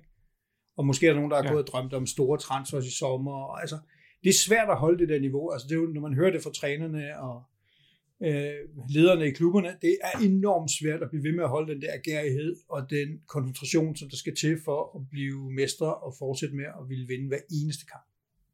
Ja, men der ligger noget i, i Milan, og det var faktisk øh, Stylsvig, der gjorde mig opmærksom på det for lang tid, at, at noget af det, som, som Maldini har indført i klubben, da han kom ind, det var, at Milan skal jo ikke bare være stor i Italien. Milan skal være inde og være stor i Europa. Og da han sagde det, der var Milan jo intet værd for os. De lå jo der på hvad, en 8. plads eller Det var virkelig svært at tage alvorligt. Men det ligger jo i DNA'et, og det ligger jo også i øh, de nye ejers, øh, det er, at vi skal jo ikke bare være ind og deltage i Champions League. Vi skal være oppe i, ja, vi skal vinde Champions League, bliver der jo simpelthen sagt. Ikke? Og der går jo nogle år, inden det sker. Men jeg tror, det er det blik, de har for øjet, og det, som, som de vil øh, bygge holdet ud efter. Specielt med de her unge spillere, de også køber ind.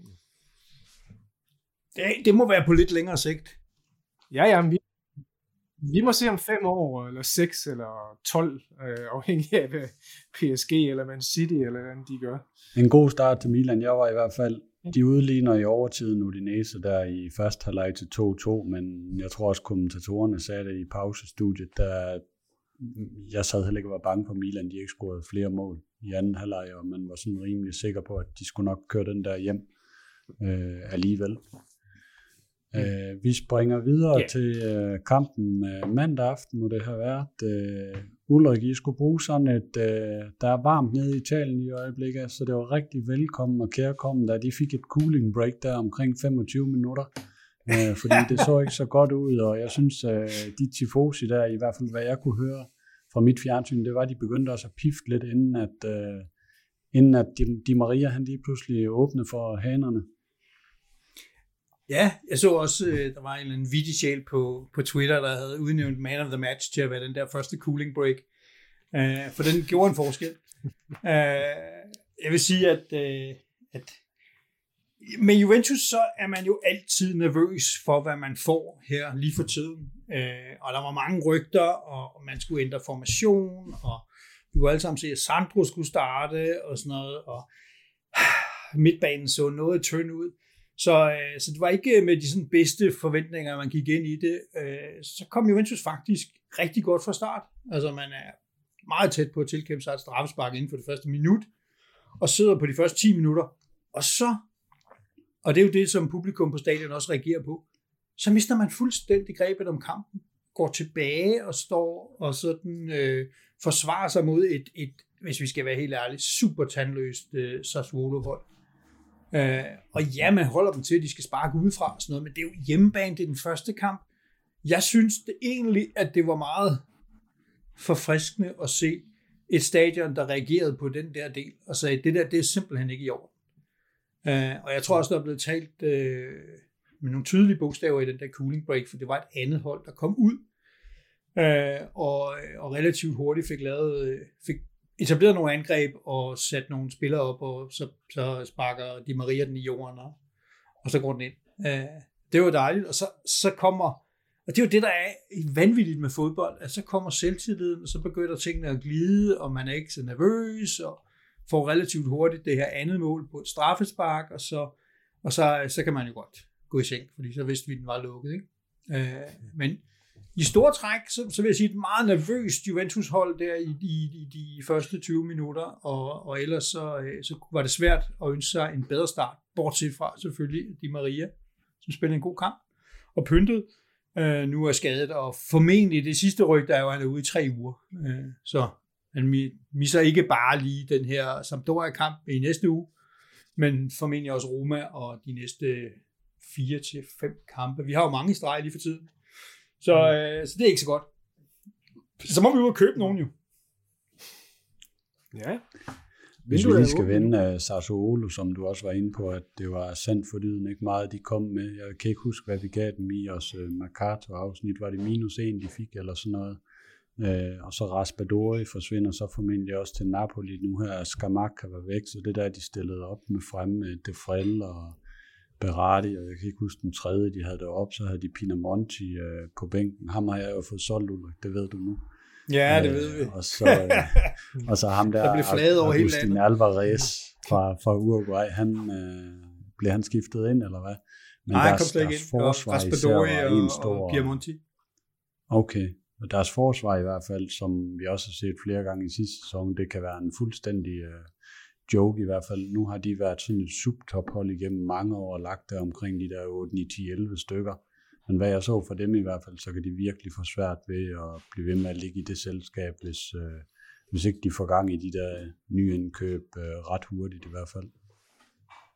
Ja, altså der var, der var øh, vi så ham her, Hernandez, øh, de har købt på midtbanen, vi så Torsvedt, øh, og vi så en lille bitte smule til, til Piemonti, da han kom ind.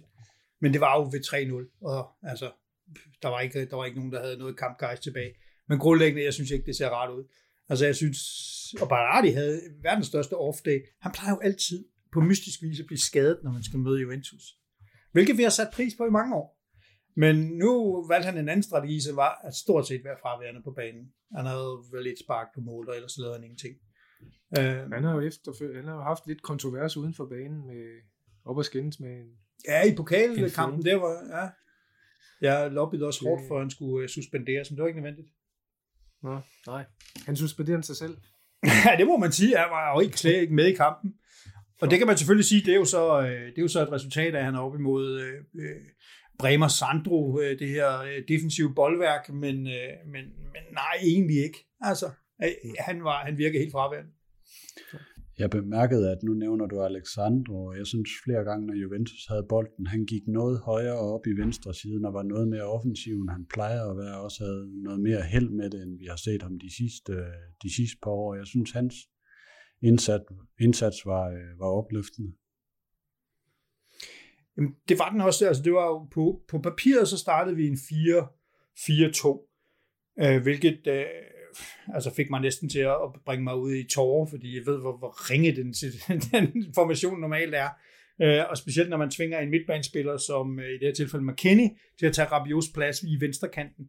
Altså, det fungerer ikke. Men Allegri har fået trænet dem lidt mere nu, så lige så snart vi var i boldbesiddelse, jamen så var det i virkeligheden en 3-5-2, og nogle gange en 2, øh, 2-6-2, altså fordi øh, det, eller hvad hedder, øh, øh, Danilo gik meget, meget højt, og havde nogle helt vilde løb i den kamp, altså hvor han øh, lige pludselig væltede ind i feltet i, et, i en spurt. Men, men han prøver at lave det her meget dynamiske, hvor han skal være, hvor der skal være meget høje kanter, øh, og 3-5-2 med meget høje kanter, når vi, når vi spiller, når vi har bolden, og lige så snart, at øh, man taber bolden, så skal man gå ned i en 4-4-2, som jo også er en meget øh, kompakt defensiv øh, formation, ikke? og som kan blive til en 4-5-3-2 og så videre, eller en 5-3-4, hvor man nu har lyst til. Di Maria trak meget langt ned, når vi havde bolden, og var nærmest på midtbanen, og, og Locatelli lå ganske tæt på de to øh, centrale forsvar. Så, øh, så han gør nogle ting, og, men, men det aller, aller vigtigste for Juventus, det er, at man er kommet godt fra start. Man har fået øh, Vlaovic til at lave to mål. Det er rigtig vigtigt. Han har slet ikke scoret. Han har ikke været i nærheden af at score i preseason. Øh, man har fået vist, at Di Maria var et fornuftigt indkøb. Og man har fået tre point på konto, når man har holdt clean sheet. Altså mere kunne jeg ikke have ønsket mig i starten. Men, men, men der er langt endnu, og de der skader, de gør altså nas. Øh, Pogba er ude indtil til, til midten af september. Nu har vi tre uger uden øh, Di Maria. Og så, jo, så fik vi ham med den nye uh, serbiske kant at se. Han var, han var ganske interessant, tror jeg.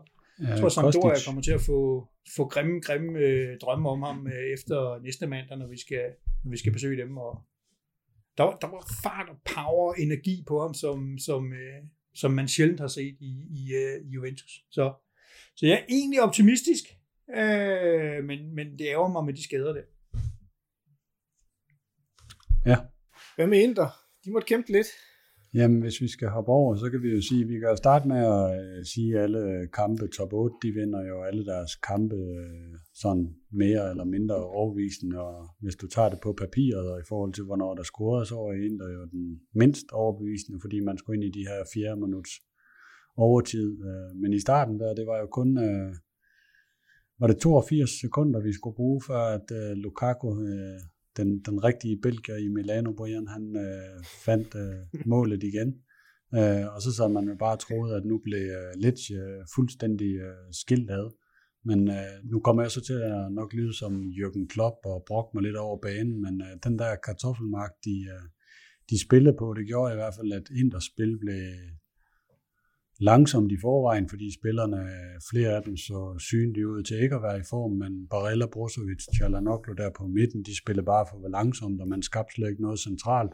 Så det blev sådan en gang øh, indlægsspil, der, øh, der lignede noget, vi så tilbage i Spalletti-tiden med, øh, med Damian og, og Gosens, som fik en forholdsvis anonym start på sæsonen, tyskeren derovre på venstre kanten, så det var egentlig sådan en gang øh, indlægsspil for at åbne det. Lautaro og øh, Lukaku synes jeg ikke rigtig finder hinanden af det, vi så fra tidligere, så der er noget, der skal arbejdes med. Det, det blev en meget fysisk præget kamp, og det øh, passer selvfølgelig lidt øh, bedst, og de fik også lov af en, øh, af en, øh, af en dommer til at gå lige til kanten og over os i flere tilfælde, så, øh, så det blev lange 40 minutter efter de udligner der, fordi det vi også set i træningskampen, det er, at Inter skal åbenbart kun have en, en omstilling imod sig, og så bliver der bare scoret.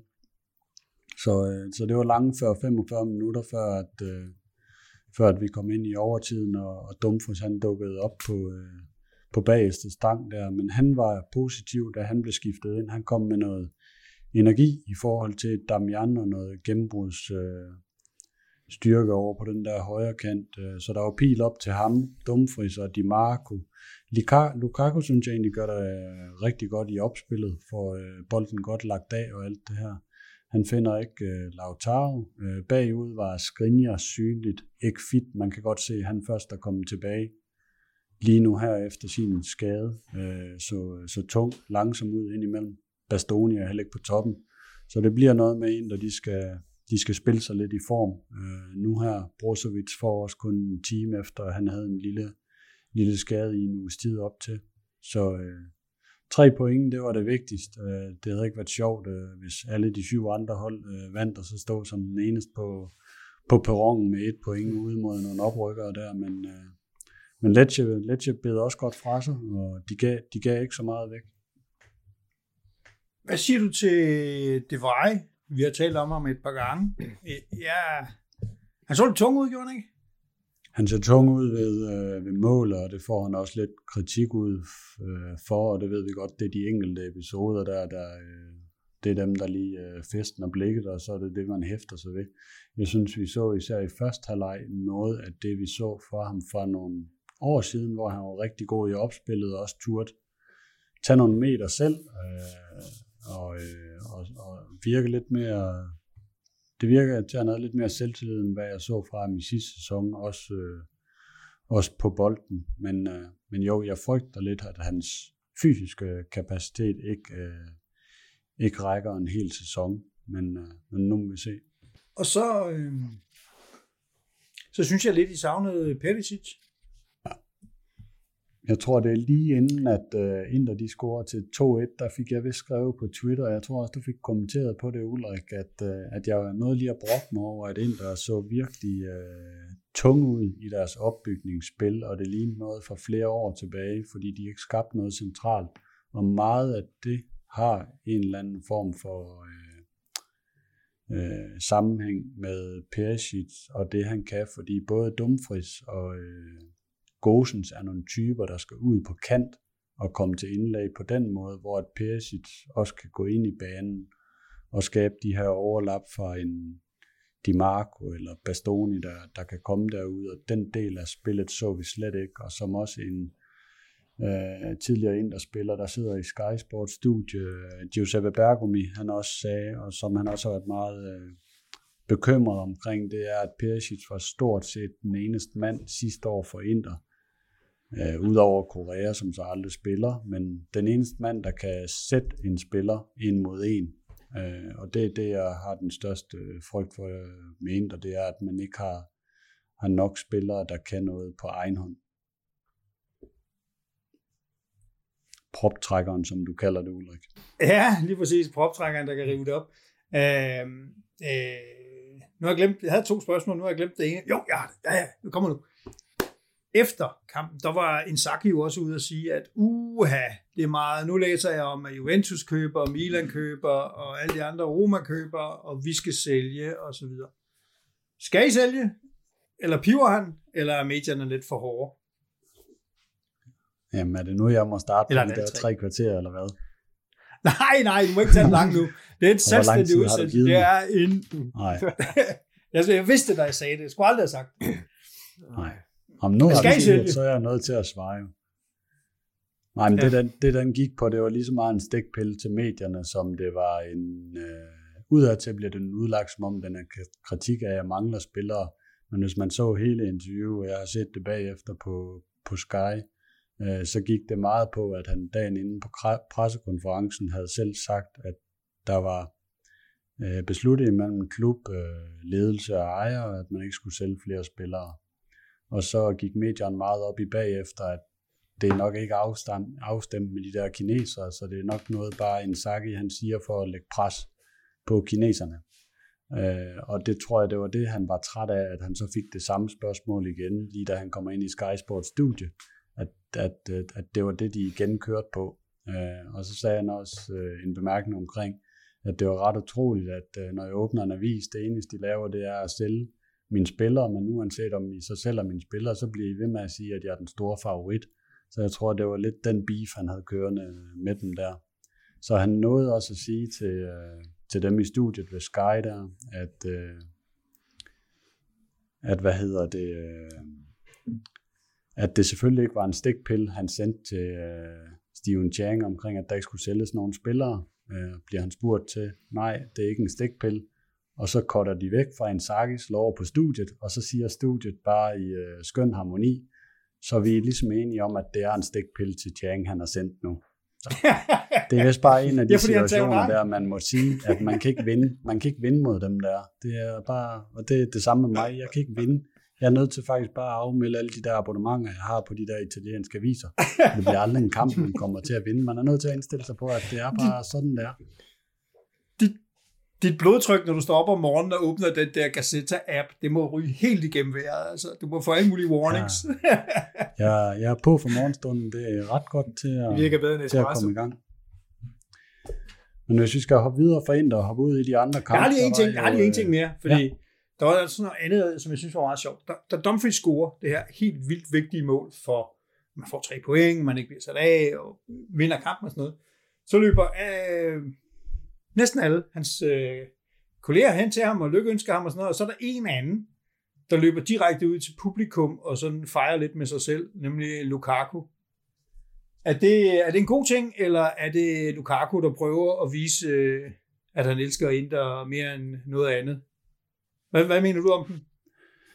Det kunne godt være, at der var nogle udtalelser der fra, øh, fra hans skifte sidste sommer, der gør, at han har et øh, stort behov for ligesom at vinde fans tilbage på den måde. Men jeg bemærkede det også, jeg så det ikke live, men har så set det der bagefter med, at det er sgu lidt komisk, at alle, øh, der kommer fra Inter, de stort set samles i en klynge derude, og, og så er der en mand, der løber i den modsatte retning af det hele, og sidder og hammer øh, armene ned i øh, græsset foran Inters tifosi derovre i hjørnet.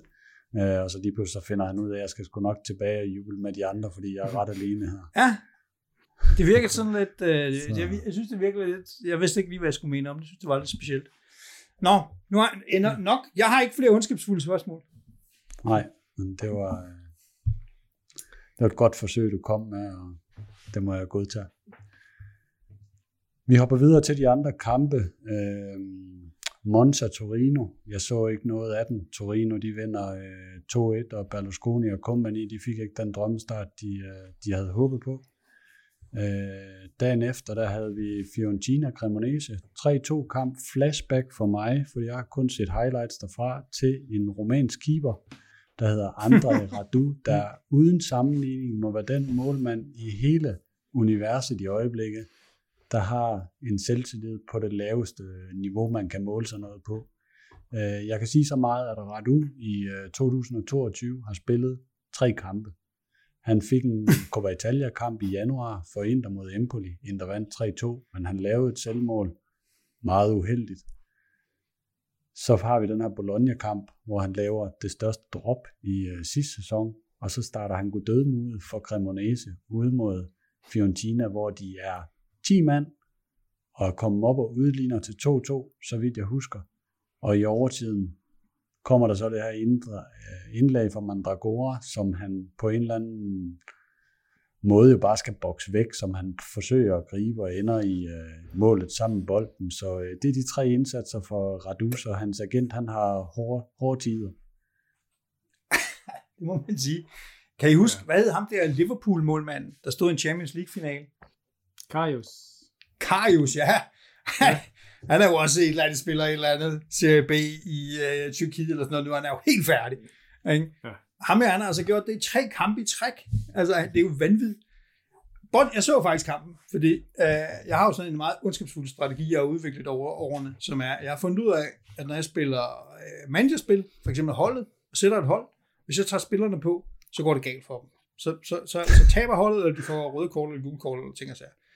Så jeg havde i vanlig ondskabsfuldhed øh, Interspillere, Milan-spillere, og så havde Fiorentina. Øh, så jeg skulle se den her kamp mm. også, fordi jeg var lidt spændt på at se de der nye Fiorentina-hold og sådan noget. Øh, jeg synes, det var en blandet landhandel. Øh, jeg synes i perioder, de spillede ganske pænt, men de lader sig også, mm. øh, lader sig også altså de giver mange chancer væk. Øh, og, og, øh, og kunne, altså, de burde have endt med at være uafgjort. Øh, øh, altså, det, det er jo et indlæg fra øh, den, den søde sukkerfodede Mandragora, som, som ikke rammer dem, han sigter på. Og så kan ham Radu se, den går jeg bare ud og griber, og lige bortset fra en så med den i hånden, træder tilbage ind i målet, og så er der mål. Altså, det var, det var så surrealistisk. Øh, men tilbage til det, der i virkeligheden øh, handler om, det er, at øh, jeg synes jo, Fiorentina sidste år viste nogle, øh, nogle vildt øh, fede takter under Italiano, og jeg, jeg tror også på, at de bliver fornuftige i år. Øh, Jovic, øh, da ham, øh, Real Madrid-angriberen fik lavet et mål, øh, og det er selvfølgelig vigtigt, og det var et okay mål, drejer rundt og sparker den ind i sådan et pakket felt. Men ellers så synes jeg faktisk, at han øh, virkede lidt utilpas på den der spidsangriberplads. Øh, helt utrolig meget øh, Fiorentina-spil skulle ud omkring øh, Sotil på venstrekanten, øh, og han er også en dygtig, dygtig dribler og dygtig øh, indlægsfod og så videre, men det var lidt forudsigeligt, det alt sammen skulle derud. Øh, og så, øh, ja, nu jeg skrev på Twitter, han, han kunne godt have blevet man of the match, øh, ham så til, hvis ikke han havde sådan noget sindssygt grimt hår. Altså med de der afbladede spidser, fanden foregår der? Flashback tilbage til starten af 90'erne. Men okay, øh, Fiorentina fik tre point, og det er super vigtigt. Øh, og, øh, og hvordan man får dem, det kan Thomas jo også tale mere om, er ikke super, det er ikke så vigtigt her den første kamp. Man skal bare have de tre point. Og, og videre, uden at have sat noget til, ikke? hvad kan man sige for Napolis vedkommende? Det er ikke sikkert, de er enige med dig i. Det, de kom jo bravende fra start. Ja. En god 5-2 der, det, det kan man godt leve på et stykke tid. Den så jeg, du kommenterede lidt på den kamp, øh, Verona-Napoli, der 2-5. Øh, den var jeg også sådan lidt til og fra i, øh, og der står 2-2. Øh, jeg tror, Ulrik, du kommenterede en del på, at der var ufattelig dårlig forsvarsspil begge Jamen, veje. Det jo, det var simpelthen skrækkeligt at se, også fordi når man kan huske Verona, som ikke kunne ret meget andet end at forsvare og gå rigtig øh, aggressivt op på modstanderen og så videre, og så skulle de så score på en kontra, men, men de var eddermame gode til at forsvare og til at lægge pres. Det sejlede fuldstændig. Hmm. Øh, Napoli var gode, ja ja, øh, men de fik eddermame også nogle betingelser, som man bare ikke er vant til at få på, øh, på Veronas hjemmebane.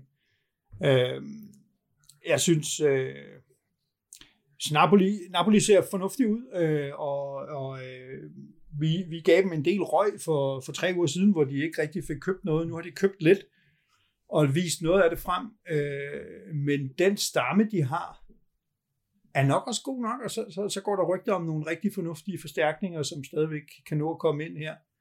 Øh, jeg tror, det er super vigtigt for dem at komme i gang med det her på den her måde, og deres nye Jeg skal ikke forsøge at udtale ham her, øh, østeuropæeren, øh, navn. det vil jeg lade andre Georgian. Ja, Georgian, ja, ikke? Kvaratskhelia. Ja, Kvaratskhelia.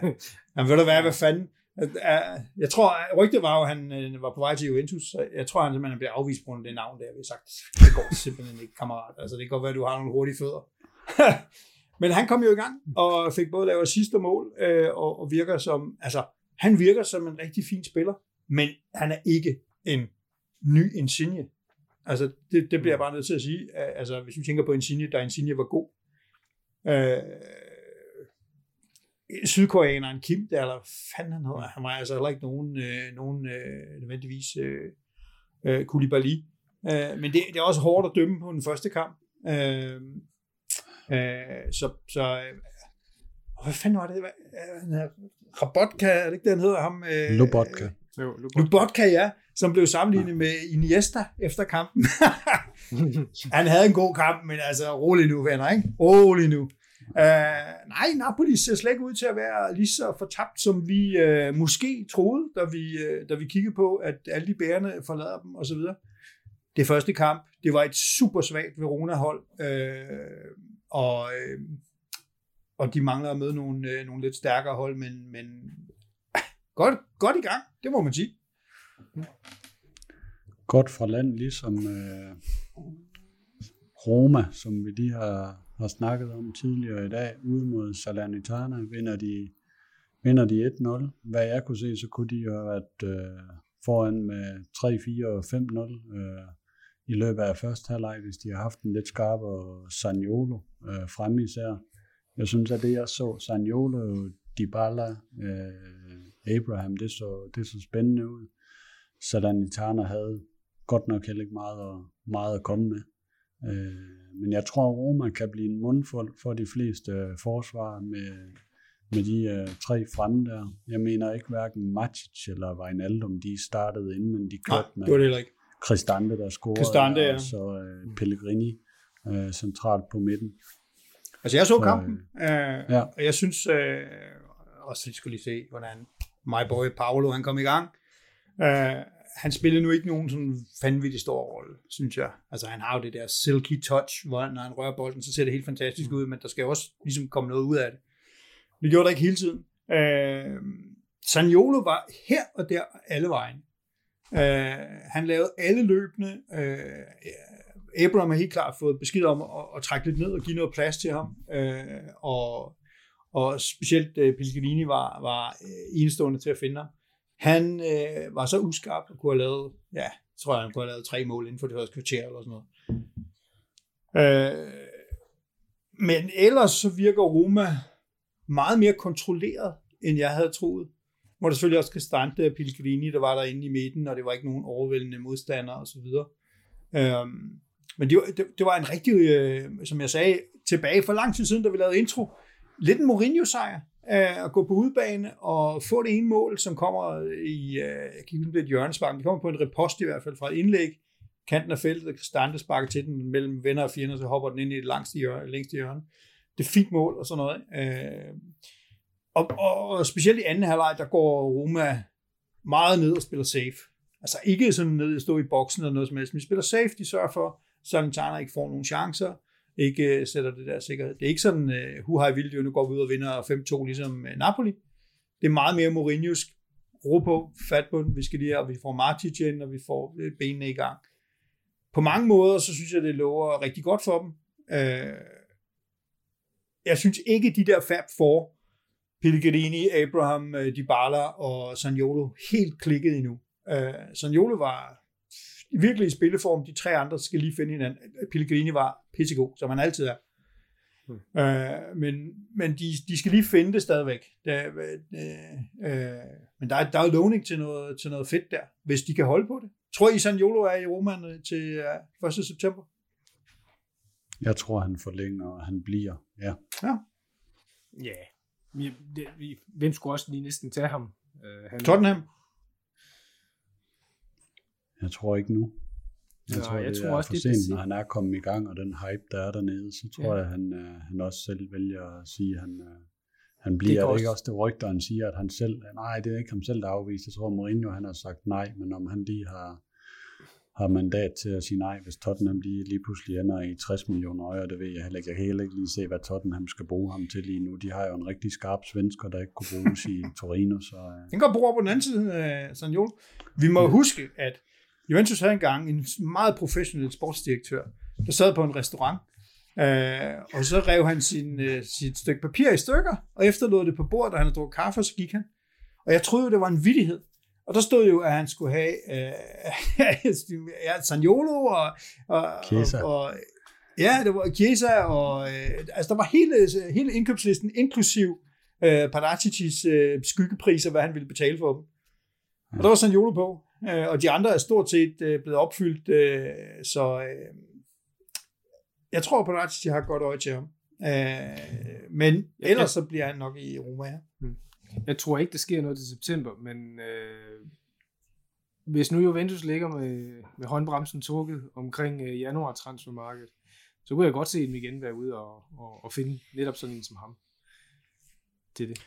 Jeg har jo altid sagt, at Saniolo, han har øh, fodboldspillet til at spille hos Juventus, men han har hovedet til at spille et helt andet sted. Altså, off the pitch, der er han jo i virkeligheden crazy. Altså, men det var ikke der med- med Bernadeschi. Benedeschi, Altså, køb- Benedeschi han var bare, det- det, var sådan noget, det var sådan noget guitar- og folksang derhjemme ja, med hans to det- hunde og sådan noget. Det, det er ikke farligt. Det, der er farligt, det er en natklub at tage andre folks damer og køre i Cardi-style og sådan noget, og øh, det er, det er ikke godt, det der, der sker med Saniolo. Så øh, det, det hører hjemme i øh, længere sydpå, apropos vores snak med, med Alberte. Der skal han altså helt ned til, til Rom eller længere sydpå med det der. Jeg, jeg tror ikke på, at den kommer til at gå hos os. Nå. Øh, Romas øh, bysbørn fra Lazio øh, var også i kamp, hvis vi lige skal runde den sidste, øh, den sidste kamp, der er blandt top 8. Øh, Lazio vinder 2-1, kommer bagud øh, 1-0, øh, for deres målmand, deres nyindkøbte målmand, Maximiano, eller hvad han nu hed, udvist efter 6 minutter, tror jeg det er, kommer så bagud øh, senere i første halvleg, så får Bologna et rødt kort, så vidt jeg husker det, og så ender Lazio med at hive den hjem i et comeback og vinder 2-1 øh, til sidst der. Så øh, jeg så meget lidt af den kamp. Var der nogen af jer, der bed mærke i den? Jeg så anden halvleg, fordi jeg tænkte, nu skal jeg se Lazio tabe. Ikke? Men det sidste, der skete i første halvleg, var jo det der andet gule kort til øh, Suimano eller sådan noget. Bologna-spiller, som røg ud. Og så var den lige pludselig øh, even Steven, og så var Lazio bare et bedre hold, presser på. Øh, har en del chancer. Altså det er sådan, det, det, hvis, hvis man kan sige, at et af holdene er farligt, så er det Lazio. Eller det fortjener nok, de får den der. Øh, og, og det er selvfølgelig øh, Immobile, der hakker den ind til sidst. Sådan er det jo. Mm. Øh, tilbage, hvor han skal være. Men jeg tror også, Bologna er lidt i pulje med Sassuolo, vi snakkede om før, de der mellemhold, som har solgt ud, og som ser virkelig tandløse ud. Øh, Bologna skal jo leve højt på, at Arnautovic han hiver noget op. Øh, og øh, jeg kan ikke lige huske, hvad ham spilstyren han, øh, han hedder der i Soriano, eller sådan et eller andet Mm. I, i stående, men ellers de der salg, de har haft af, af Higgy og, øh, og nogle af de andre spillere, der det, øh, det kommer det er lidt til for at meget, ikke? tror jeg. Det er for meget. Altså, det, det er jo tit med de her, ligesom for eksempel også med, med Sassuolo, som vi snakker om tidligere, at de sælger de profiler, vi kender. Så kommer der nogen ind, som måske om 9 måneder, 12 måneder, 18 måneder er nogle nye profiler på vej. Men det er bare svært at starte, og de får altid en hård start. Ikke? Øh, så, så det der liv med, at man, man, man opfoster nogle stjerner, sælger dem, og så skal man have de nye ind. Det kan godt være en rigtig god forretningsmodel, som vi ved, der er for Cannavale i Sassuolo, men det er ikke, øh, det er ikke nødvendigvis en nem en for træneren, øh, som jeg også synes, vi har kunne se på, på, øh, på alle kampene i den første runde. Ikke?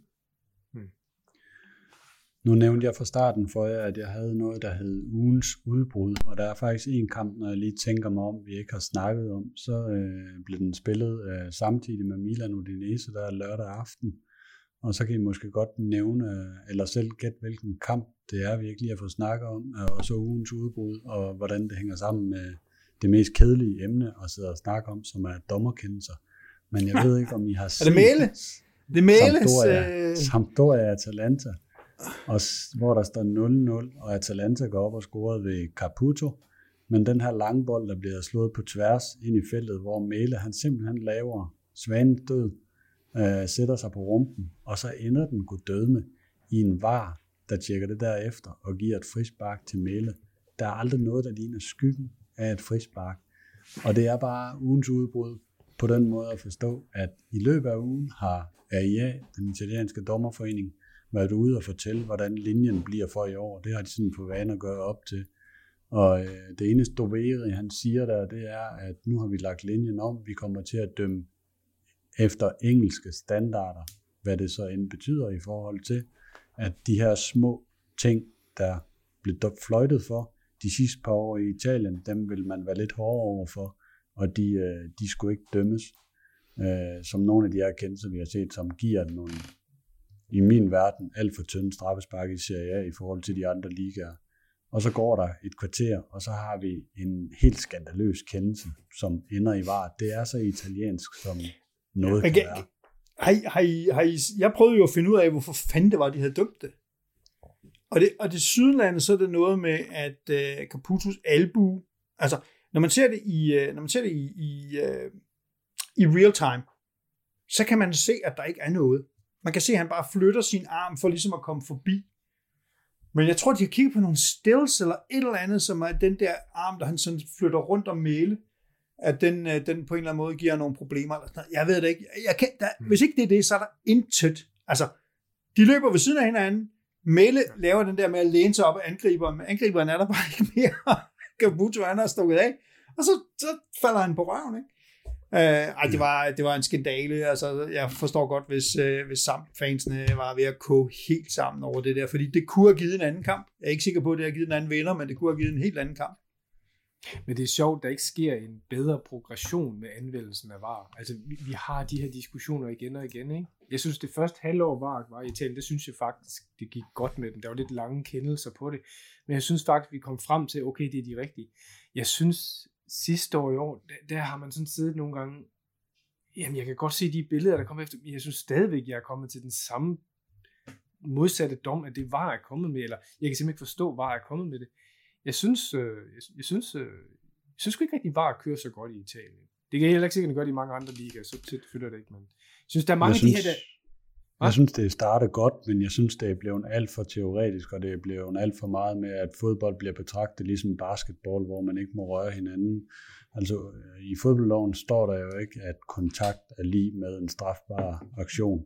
Det er jo naturligt, at der er kontakt imellem spillere, og der er alt for meget, som i min verden også i felter i forbindelse med straffespark, burde være indirekte frispark, i stedet for at blive den ultimative straf, du kan træk i fodbold, som er et straffespark for noget, som er meget, meget minimalt. Jeg synes bare, at Italien skiller sig ud ved at have for mange af de tynde, øh, og de får dem altså bare ikke i Europa. Og så når man især ud og udtale, at det der, det sker vi væk i år, det vil vi gerne øh, hmm. ramme, ramme andre øh, ligaers øh, standarder, så, øh, så gør man bare det modsatte. Grund, grunden til, at vi snakker om den der øh, kendelse i, øh, i øh, Sampdoria Atalanta-kampen, er jo, at for det første, først så står der mål, så er der mål, så går den til var, og så kommer var med det, vi alle sammen mener er en helt grotesk afgørelse. Altså jeg har i hvert fald svært ved at se andet end det. Mm. Men langt de fleste gange, så er det jo faktisk sådan, at VAR kommer med de rigtige svar. Vi taler om der, hvor det sådan er helt øh, hul i hovedet. Og jeg synes, den, den, den del, der fungerer nu, det er det med, at, at hvis der er en episode på banen, så spilles, spilles der videre, men bagved så kigger VAR på det. Mm. Og, så, og så får man at vide, men, der var at kigge på det, der var ikke noget. Ikke? Ja. ja, men det er også rigtigt. Og jeg synes også langt hen ad vejen, så, så er VAR kommer jo frem til den helt korrekte afgørelse. Det kan godt være, den er teoretisk, men måske efter bogen den helt rigtigt. Jeg synes bare, at antal af de her, hvor man siger, det der giver ingen mening nogen steder, og den burde være fanget af VAR, er rimelig konstant, hvor jeg tænker, den burde jo være for nedadgående. Og det er en synsning. Det, det er en vurdering, jeg har ikke noget statistik eller noget som helst på det. Jeg synes bare, gang på gang, så snakker vi om, hvorfor helvede fanget var ikke den. Og der burde den, og den, den synes jeg ikke helt, vi kommer ned i. Det kan godt være, der skal et step længere ind, eller et eller andet. Den tager mange. Jeg synes jo, at de talte om, Men, ja. de talte om sidste år, at de ville offentliggøre de der var øh, samtaler. Altså, ja. Dem, er, dem er jeg sådan set ligeglad med, men begrundelserne vil jeg gerne have, mm. fordi mange gange, fodbold er jo følelser. Og hvis der, og hvis der bliver lavet, når, når, når Sandro han bliver fældet i feltet efter 45 sekunder, så sidder jeg jo også bare og tænker, jeg skal for helvede straffe, og hvad laver var, og sådan noget, ikke? Og så går det lidt, fordi jeg er en gammel mand, og så tænker jeg, okay, nej, jeg kan sige, jeg kan jeg godt sige, at der ikke er straffe. Men, ja. men der er jo mange folk, der ikke er lige så gamle som mig, som bare bliver ved med at køre på den der adrenalinpumpe og, og råber mm. op og tænker sig. Og jeg synes, det er jo fair nok at få nogle begrundelser.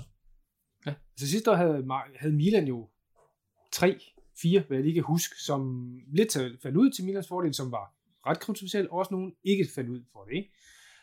Og det virker jo at det, det fortsætter vi jo så åbenbart med nu, hvis den der linje, den fortsætter. Nu skal vi se. helt glemt, mand. I havde det okay. vildeste non-straffe overhovedet. ja, ja, det er rigtigt. Altså, øh, og det, det, det burde, man burde jo lære, tænker jeg, ved at gøre sådan noget. noget. Som Thomas siger, nu kører vi en hård linje. Jamen en ting er, at en dommer ligger en linje, men så bør VAR jo gå ind og overrule det, eller i hvert fald gå ind og så sige, nej, tænk dig lige om igen, det der, det er ikke det. Men det ser ud som om, vi fortsætter.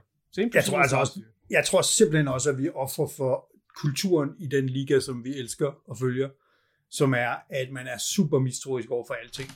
Altså når man ser Bundesliga Jamen, der, og der... Øh, League One og Premier League, så ja. er der jo også fejl, men de bliver slet ikke pustet op på samme måde.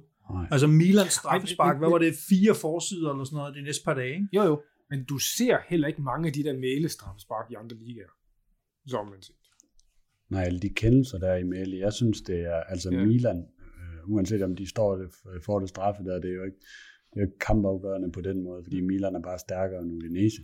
Men øh, det er det der clear and obvious, hvor man siger mm. både den der Milan-episode, med at den clear and obvious, hvis du skal bruge en 4-5 minutter på at ligge og tjekke det der, så er den jo ikke clear and obvious. Nej. Og det samme med Sampdoria Atalanta der, det er jo ikke noget, der er clear and obvious. Øh, så det er, den, det er den der sondring imellem de ting, jeg synes, de går helt galt af. Det, det, det er lidt det samme med, med uh, offside-kendelser, hvor du har en linje ind, og så har du en albu, der går eller et eller andet kropsdel, der går en millimeter længere ind end din modstander. Altså, det er jo, jamen, teoretisk set er det jo rigtigt, men okay. Ja. ja. ja det er, Hvor stor, er det så dig, der skal sætte tolerancen for, hvornår det er ja, rigtig alvorligt? Og jeg kan, jeg kan jo godt lide den der begreb, der hedder clear and obvious, fordi den er, jamen, altså, hvis du har et hoved foran, ja, altså, det kan vi ikke undgå at sige, men, men altså, hvor vi virkelig skal ind og, får større op i de gange 200 for at se, hvilket græsstrå du rører før eller andre, ikke? Så, er det jo teoretisk spil, så er det jo ikke et, et fysisk dynamisk spil. Men ja. Nej, altså det er jo en af de få ting, som man rent faktisk kan måle helt på matematik. Dit snørebånd var længere frem end den anden. Hvorimod ja. der er masser af andre ting, der er skønt ting. Jeg, jeg vil sige, ja. min, min oplevelse er, at da vi først fik var, så var det jo Ragnarok. Altså jeg kan ikke huske, hvor meget vi ventede hele tiden. Det var ligesom, om kampen var bare 90 afbrydelser. Ja. Nu flyder det bedre. Ja. Så er der standarden af italienske dommer, fordi VAR kan jo ikke i sig selv, undtagen i de her helt matematiske ting, så kan VAR jo ikke afgøre. Den der male-ting, det er jo et menneske, der har siddet og set på fire forskellige kameravinkler og fundet mm. på at male, at der var frispark på male. Så det er kvaliteten af de dommer og de var officials, der sidder derude, som, som stadigvæk er, er noget lort. Ikke? Det er jo ikke teknikken, der gør det. Men teknikken kan jo sådan set heller ikke lære. Det er jo menneskerne bagved, der kan lære sig at sige, jamen den konklusion, jeg kommer frem til på baggrund af det her bedre informationsmateriale, er sgu det samme som for 10 år siden. Ikke? Det er jo lidt der, den er galt. Jo, men det er hele min pointe, at, det er, at, at, at jeg synes, dommerstanden i Italien, som, som har, nogle gange har nogle rigtig dygtige dommer, nogle få dygtige dommer, som er meget profileret, og så er der fandme noget lort. Og, jeg, og det er ikke noget lort, fordi de dømmer mod Juventus. Det har intet med det at gøre. Jeg synes ikke, Juventus bliver hverken for- eller bagfordelt eller noget som helst. Det er bare kvaliteten helt generelt. I kan jo bare bestemme. Øh, ikke, mere, er, ikke? ikke mere, mand. Det var de gode gamle dage. Ah, for helvede, hvor vi bare men, kunne ringe til dem vi, fra et svejsisk simkort, ikke? Jo, det er Men vi kommer til at snakke om det her igen. Altså, ja, det er 100% det sikkert. Øh, ikke bare sådan, det var en varekendelse, men det var bare en, en fanden kom var til det der, ikke? Men, øh, men hvis vi, skal, hvis vi skal hoppe væk fra dommerkendelser, når vi synes, det er verdens kedeligste emne, og samtidig også lidt sjovt, så, øh, så hvis vi skal runde runden af øh, og hoppe videre, så synes jeg generelt, øh, hvad meget, hvor meget kan vi tage med fra den her første runde? Meget lidt. Vi kan få en indikation i hvert fald af, at top 8-holdene, de er nogenlunde, hvor de skal være alle sammen, men det er nok først, når vi kommer ind synes jeg i hvert fald i de her indbyrdes opgør, vi kan regne, hvor de her hold de reelt står, fordi top 8 vinder alle sammen, og jeg tror også, det bliver sangen om Serie A øh, i den her sæson, at det bliver en dødssynd for de der hold at sætte point til imod de øvrige 12 hold, for det bliver svært at hente. Så det er de indbyrdes øh, opgør, der igen i år kommer til at afgøre det her. Jeg synes, afstanden er, kolossalt imellem de hold. Øh, nu venter vi Sassuolo og Bologna og de der mellemhold. Jeg synes, de ser svage ud, mange af dem. Mm. Øh, de nederst 10 hold, hvis man kigger tabellen, de første øh, runde her, indkasserer de 25 mål efter første spillerunde. Så, ja. øh, og det var min pointe, fordi jeg synes faktisk ikke nødvendigvis top 8 så god ud af de kampe, jeg har set. Jeg synes, bund 10 så forfærdeligt ud. altså, ja. og, og, og jeg, jeg sad bare og tænkte, men altså, øh, da jeg startede i slutningen af 80'erne, midten af 80'erne, slutningen af 80'erne og 90'erne med at se italiensk fodbold, så gjorde jeg en dyd af, at det her det handler om, at fodbold altså ikke kun at angribe, det er også at forsvare, at organisere sig, stå rigtigt på banen, og have nogle systemer og ting og sager, og have noget kvalitet. Det er jo Ragnarok, hvad der foregår i de forsvar der, ikke? Altså det er jo, hold kæft, hvor er det dårligt, mand. Men det er, den, det er den individuelle kvalitet, der for mig er helt vanvittig. De personlige fejl, der bliver begået af forsvar, og hvordan de slet ikke er i harmoni med hinanden. Altså, jeg tror, det er måden, man har ændret italiensk fodbold lidt på, at man har fået de her hold som Atalanta Sassuolo, der gerne har været det der med højt pres, og vi vil gerne have bolden, og vi vil gerne stå højt og alt sådan noget. Og så har de bare ikke den individuelle kvalitet og farten bagud mm. til at kan rette op på det, eller de bliver så udsat over for omstillinger.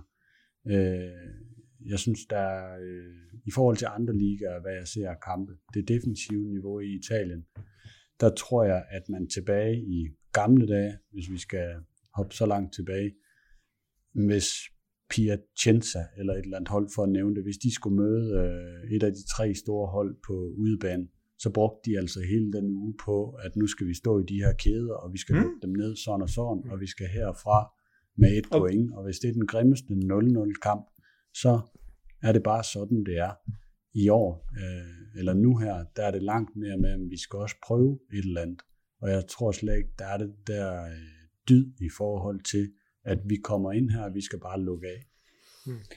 Der er også en anden mulig forklaring, som er, at øh, det første kamp, og mange af de her hold, altså har ikke ret gode spillere. Så det, der skal til for at gøre holdet godt, det er, at de begynder at blive samspillet og forstår hinanden, og, og, og træneren får sat et skik på det, og måske også bliver bange for nedrykning og begynder at agere lidt mere fornuftigt og sådan noget. Så jeg tror faktisk, det er min forudsigelse, der, at, at de her bund 10, vil ikke blive ved med at være så ringe. Øh, selvfølgelig bliver, bliver top 8 eller 6, eller hvad vi kalder dem, de bliver også bedre, når de bliver sammenspillet, men, men der er simpelthen øh, de, de, de er tættere på deres topniveau, end de bundhold, som lige nu ligner noget fra Danmarks-serien. Altså. Øh, hvor jeg virkelig håber, at der, at der kommer lidt mere øh, system og, og struktur på. Er der ellers mere fra runden, Brian, noget du, øh, noget du har bemærket eller tager med? Nej, jeg, igen, jeg tror, det bliver tættere i år med øh, top 8, som, som du er også inde på, og jeg synes, øh, top 8-holdene virker bedre forberedte og klar øh, i år. Man kan selvfølgelig sige, at Juventus har lidt skader på det, men, men generelt så synes jeg, de virker klar fra start. Det synes jeg, den her runde afspejler, og øh, det, det synes jeg på så vidt tegner godt for sæsonen. Ja det bliver en spændende sæson i hvert fald, fordi der er, alle kan slå alle op i det der top 8. Der er ikke nogen, der stikker mere ud end andre, sådan i, i så stor grad, som man øh, kan sige på forhånd, jamen den vinder øh, Inter over Fiorentina på udebane. Øh, mm. det, det, kommer, det kommer til at blive rigtig tæt. Øh, jeg har kigget lidt på, øh, på, hvad der sker øh, her de sidste, øh, de næste to uger, inden at øh, deadline day endelig bliver nået, så vi endelig kan få konstateret, at Skriniar bliver ikke solgt. Men uh, lad mig starte over hos dig, Ulrik. Rabios mor, hende her Veronik, hun skal åbenbart have 10 millioner euro for at skrive under med United med et år tilbage af kontrakten. Synes du ikke, det er meget fair? Ja, Veronik, hun laver et meget stort og vigtigt stykke arbejde øh, en gang imellem. Øh, jeg, har, jeg har virkelig, virkelig brudt mit hoved med den her sag. Fordi det vi hører, og det som du refererer, det er jo presseting. Og vi ved også godt, at der bliver dumpet ting i presserne, både fra gensiden og fra klubsiden og fra spillerne, måske også og fra sælgerklub og køberklub. Det er lidt uklart, hvad der er, der foregår.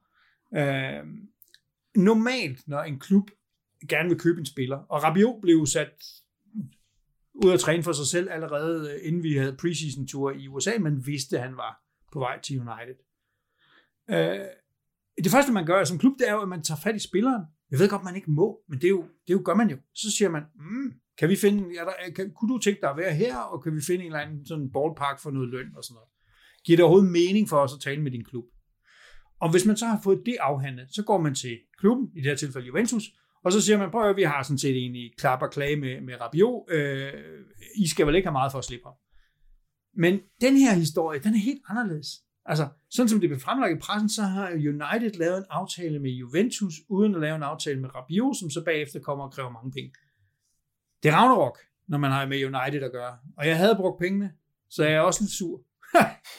Men altså, Øh, jeg ved ikke, hvad der er op og ned i det. Hvis det er rigtigt, at Rabiot gerne ville have, i dag var det jo stedet til 11 millioner netto, han ville have om året, plus 10 millioner til, øh, til, øh, til mor. Øh, jamen så er det jo klart, at United siger, jamen rende hop.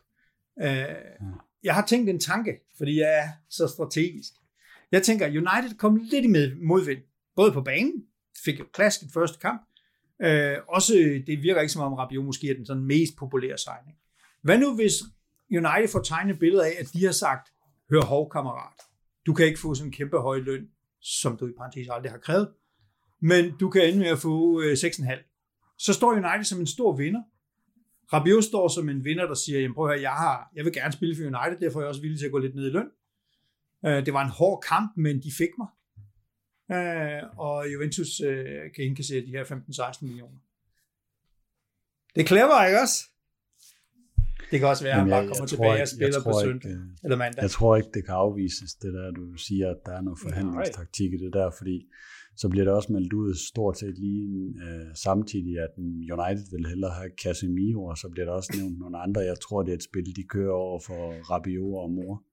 Casemiro for 50 millioner, og så ja. ringe øh, ja. en uge ind i sæsonen til, til, til Real Madrid, der har penge nok. Ja. Ah, ja. Nej. Men, der, Men altså, hvis, hvis han ikke bliver solgt, så kommer Paredes, han kommer vel ikke? Eller hvad? Nej, Nej, det, det, og, og derfor har vi også sat sådan, i hvert fald sigter rygterne igen, ikke? Man ved ikke, hvad der er sandt, men der har vi også trykket lidt på bremsen over for uh, Rovella til, til, til Monza. Rovella, ja. som er kommet ind på en billig baggrund. Ja, han kommer ind, da vi fører 3-0 og så videre, men altså, han så meget mere levende og øh, øh, interesseret ud end Locatelli gjorde, som han afløste. Øh, han, var, øh, han var meget, meget ivrig for at vise, hvad han kunne, og slå nogle flotte diagonale afleveringer, og holdt hele tiden spillet igennem i gang, hurtigere, end hvad vi så Locatelli gøre. Men altså, billig baggrund. I give it. Ja. Jeg frygter rigtig meget sådan noget, øh, altså de der øh, Rovella udlejet til Monza, altså så, så sidder jeg bare en streg i sand og siger, okay, nu er hans værdi 0. Han bliver aldrig til noget. Kan han komme til at spille for en CRB-klub eller for en bundklub i Serie A? det er lige præcis der, når du er 20, at du enten skal gøre det, eller så skal du ikke gøre det. Og dem der, der ryger ud, I, kan I komme i tanke om nogen, der er blevet udlejet og kommer tilbage og bliver store stjerner? It doesn't happen. Nej. Ikke når de er 20. Jeg sidder kun og tænker på Sensi lige i øjeblikket. Jamen, han er en stor stjerne. Han spiller han fucking i Monster, mand. Vi får aldrig, vi får aldrig nogen penge. Jeg håber ikke, at du, uh, at du sidder og satser på, at øh, Monza de så køber Rovella der, fordi de skal jo bruge pengene på Sensi om et år. Så, øh. ja, og hvor mange andre, de har vel også andre indrespillere, de skal have bokset af der. Det er, det er noget Okay, nej, men det, ja, øh, hvis vi skal lukke den der med Veronique, som blev lang, øh, jamen altså, hun skal jo skaffe den bedste kontrakt til sin søn, og han er fransk landsholdsspiller, og øh, han er faktisk formentlig en ganske udmærket fodboldspiller. Vi må i hvert fald konstatere, at øh, Sarri og Pirlo og Allegri i anden omgang og Deschamps har stort set valgt ham hver gang de kunne. Så, så enten er de alle sammen idioter, og Twitter ved, hvad de snakker om, eller også så er der noget kvalitet i Rabiot, som en træner ser. Øhm, og, øh, og, og så skal hun maksimere det. Jeg tror ikke, han er i Juventus, når vi når til slutningen af den her måned. Men det kan godt være, at han ikke ryger til United, og det kan godt være, at det ikke bliver for de 17-18 millioner euro, som vi øh, troede, vi havde. Ikke? Hmm. Hvad så med, øh, hvis vi hopper lidt længere op i angrebet? Jeg sendte dig et meget flot billede her forleden af en Smuk, øh, hollænder i hvid outfit, øh, hvor der vist også kom et billede af, at han står og hygge med Pogba, tror jeg det var. De kender jo måske hinanden fra, fra et lille halvår i United, der, men Memphis Depay, er det en, du øh, er hooked på? 100 procent. Fordi jeg kan jo huske, at vi skulle møde Lyon, dengang, hvor jeg troede, at vi ville vinde dem. Det var nok øh, i Sarri-dagen, ikke? hvor vi skulle spille øh, ja. første knockout-kamp mod Lyon, og, og, og Depay var skadet, som var den eneste, der var noget værd på det hold, og så videre. Jeg lykkedes så at tabe alligevel, men det er sådan en anden historie. Uh, men jeg synes, han er en fed fodboldspiller. Jeg er ikke sikker på, at han passer ind i Juventus, eller lige præcis, hvor vi mangler spillerne. Og det er jo lidt historien om italienske, selv italienske tophold, som vi jo repræsenterer, er, at det er sådan noget opportunity noget. Altså, øh, Juventus har ikke lavet nogen strategisk plan, der siger, at man skal købe Depay, fordi han passer ind, og han er den rigtige til spilsystemet. Nej, Barcelona har problemer. Barcelona skal af med, med, med Aubameyang, som er penge værd, og Depay, som er lidt færre penge værd. Og så er det ham, man kan få, og formentlig lave en OK deal på. Men det bekymrer mig en lille bitte smule. Ikke? På den anden side ja. set, det Juventus hold, altså et Juventus hold uden det Maria, er ikke et Juventus hold, med, der, der sprudler af kreativitet. Så, så jeg ser gerne en, en lidt mere teknisk stærk øh, spiller som Depay. Og jeg er sikker på, at han vil lave mål og spille godt og være en gevinst for CA. Men det er også et billede på, at man kan ikke, vi kan ikke regne med at lave en plan og så købe de spillere fra øverste hylde længere. Sådan fungerer spillet bare. Det bliver lidt resterne fra de andre spor, vi kommer ja, til at tage. Så øh, det peger ind, og så, øh, så vil du gerne have Moise Keane øh, skubbet ud til, en, til en eller anden klub, der måske tager ham. eller... Jamen altså, Moise Keane, det er jo en vanvittig historie, fordi vi har købt ham, eller det har vi ikke, vi har lejet ham med en forpligtelse til at købe ham, givet nogle betingelser, som, som jeg ikke kender. Altså, de står ikke nogen steder beskrevet øh, helt officielt. Øh, jeg kan forestille mig, det er noget med, hvor meget, altså, hvordan Juventus klarer sig i ligaen, og hvor langt vi kommer i Champions League, og hvor mange kampe Moise Keane spiller, og måske også øh, hvor mange mål han laver. Og, og lige nu sidder hele Juventus og håber på, at der er den der betingelse, og at vi ikke er forpligtet, hvis Moise Keane ikke spiller. For så må han jo, så må han jo sidde ude på bænken. Jeg har svært ved at se, hvordan... Altså, så skal der jo komme en klub, som er villig til at tage vores legemål på en eller anden måde, og vores forpligtelser over for Everton. Jeg synes, den ser kompliceret ud. Jeg tror, Moise Keane kommer til at spille... Øh, nej, jeg tror, Moise Keane kommer til at være i Juventus hele næste sæson, og jeg tror, han kommer til at spille meget, meget lidt, desværre. Og det må man sige, det er ærgerligt, men han er simpelthen ikke god nok. Det var nok med Juve. Vi hopper lige over til dig, Brian, og Milan her. Øh, hvad kommer der til at ske de næste to uger? I mangler stadig en forsvar, gør I ikke?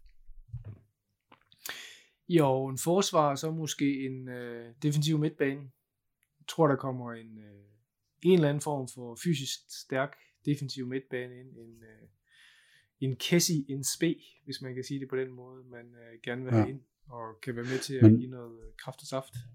Hvad med den der højere offensive kant, og det lukket ned, for at der ikke kommer noget øh, derfor, sådan en som ham der Hakim Ziyech, der var rygte, fordi det er jo Messias og Salemakers, du har derovre naturligt, og øh, ham her øh, CDK, skal vi bare kalde ham det, Charles ja, de Catalan. Charles.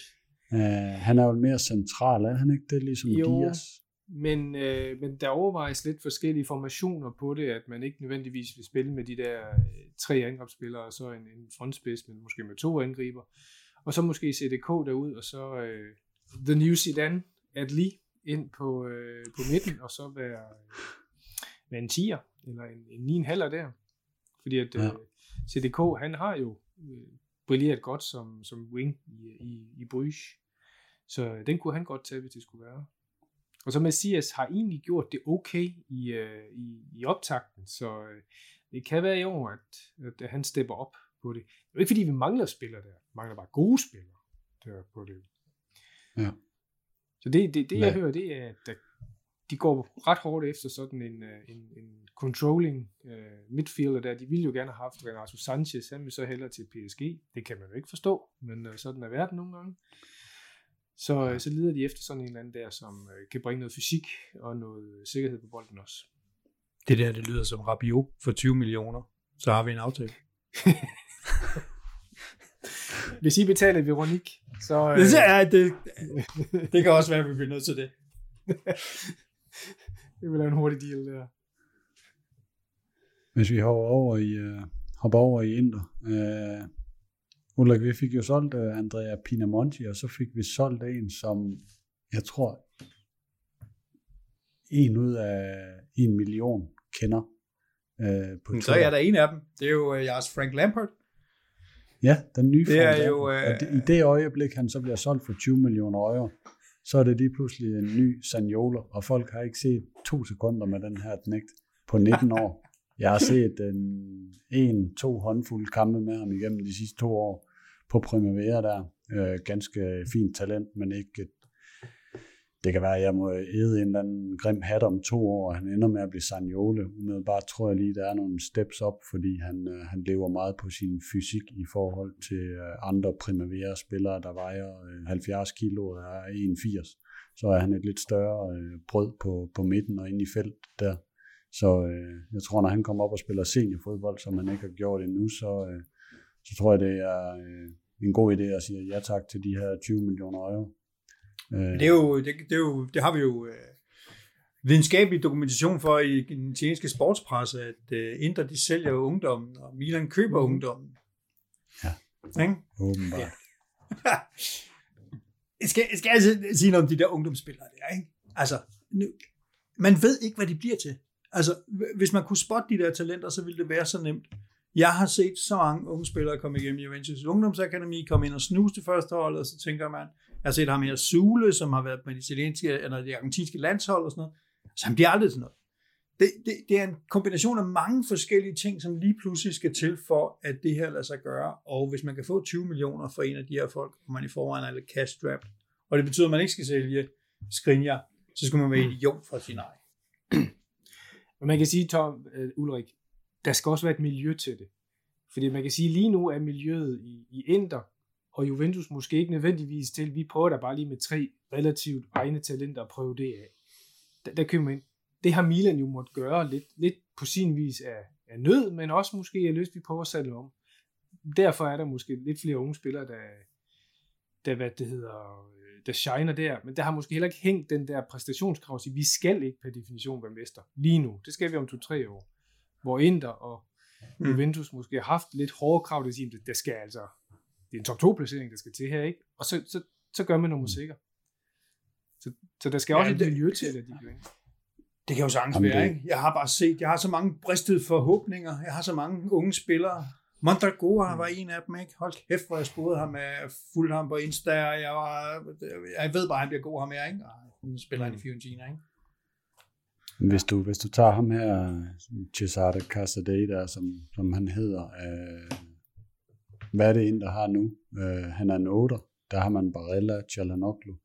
Øh, ja, han, er, han er nok bedre end Gagliardini, men hvem er ikke det? Øh, så har du en Aslani, der også kan spille den position. Så Mkhitaryan, hvis du vil, ikke? Øh, Mkhitaryan.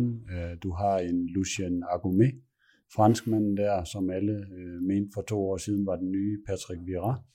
Øh, han har så spillet lidt i Spezia, han har spillet øh, i, øh, i Brest i Frankrig.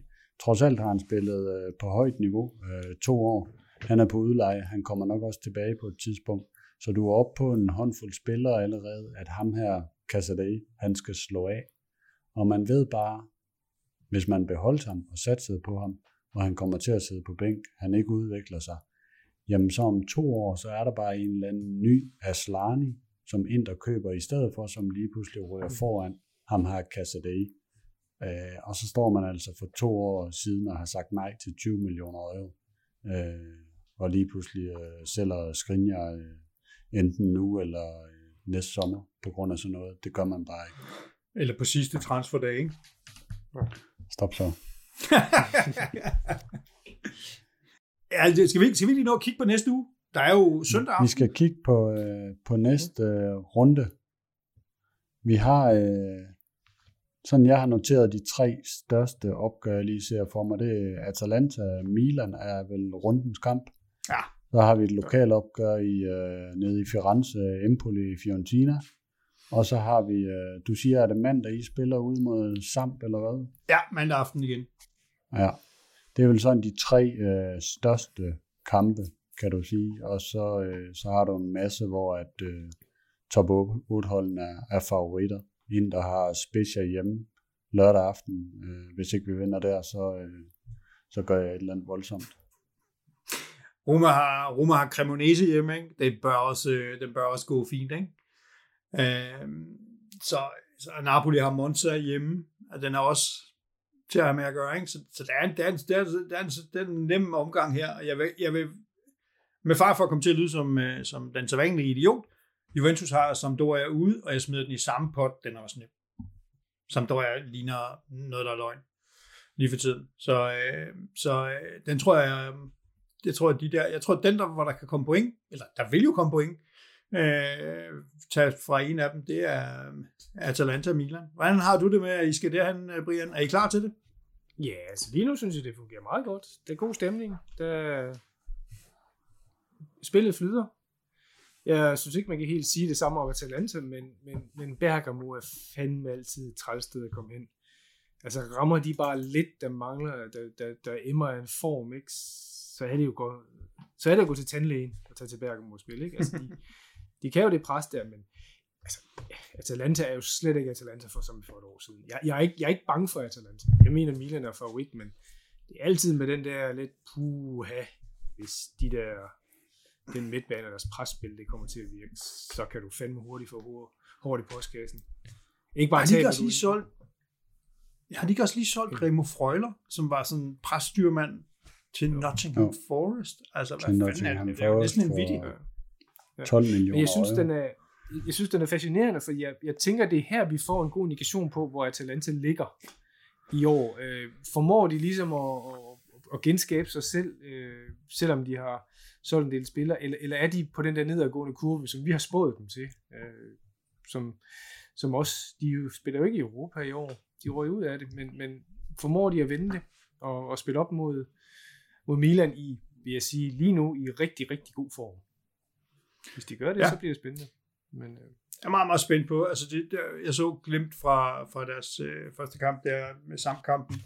Øh, Muriel er jo tilbage, og, og, og Zapatar. De to, det er sgu en mundfuld for de fleste. Men ja. ellers så synes jeg ikke, det, man så ikke det der, den der maskine, som, og det er jo også svært at vedligeholde, når du, når du sælger ud til højre og venstre hele tiden. Og, øh, så så, så øh, ja, det, vi må se. Men, ja. men det er ikke nogen, man skal give. Man skal ikke øh, stå og snorke sig over alt for meget, når Sabatar han får bolden. Altså. Klapper Nej, altså, det, det, det er også, altså, bund og grund så mener jeg, at den, den bør Milan vinde, men jeg, jeg vil, man skal ikke blive overrasket over, hvis Milan taber 3-1. Det kan sagtens også blive et resultat af den kamp. Kendte I ham der Lockman, der kom ind og scorede? Relativt dyrt køb.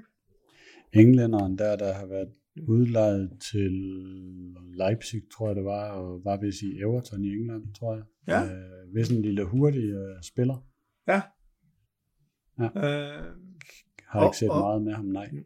Jeg har ikke set meget med ham, men så kommer sådan en lille hurtig spiller ind, og så tænker jeg, fordi der havde jeg held med mit managerhold igen, sat uh, Boga på, fordi han var rigtig billig. Men han sidder jo bare rådner ude på bænken.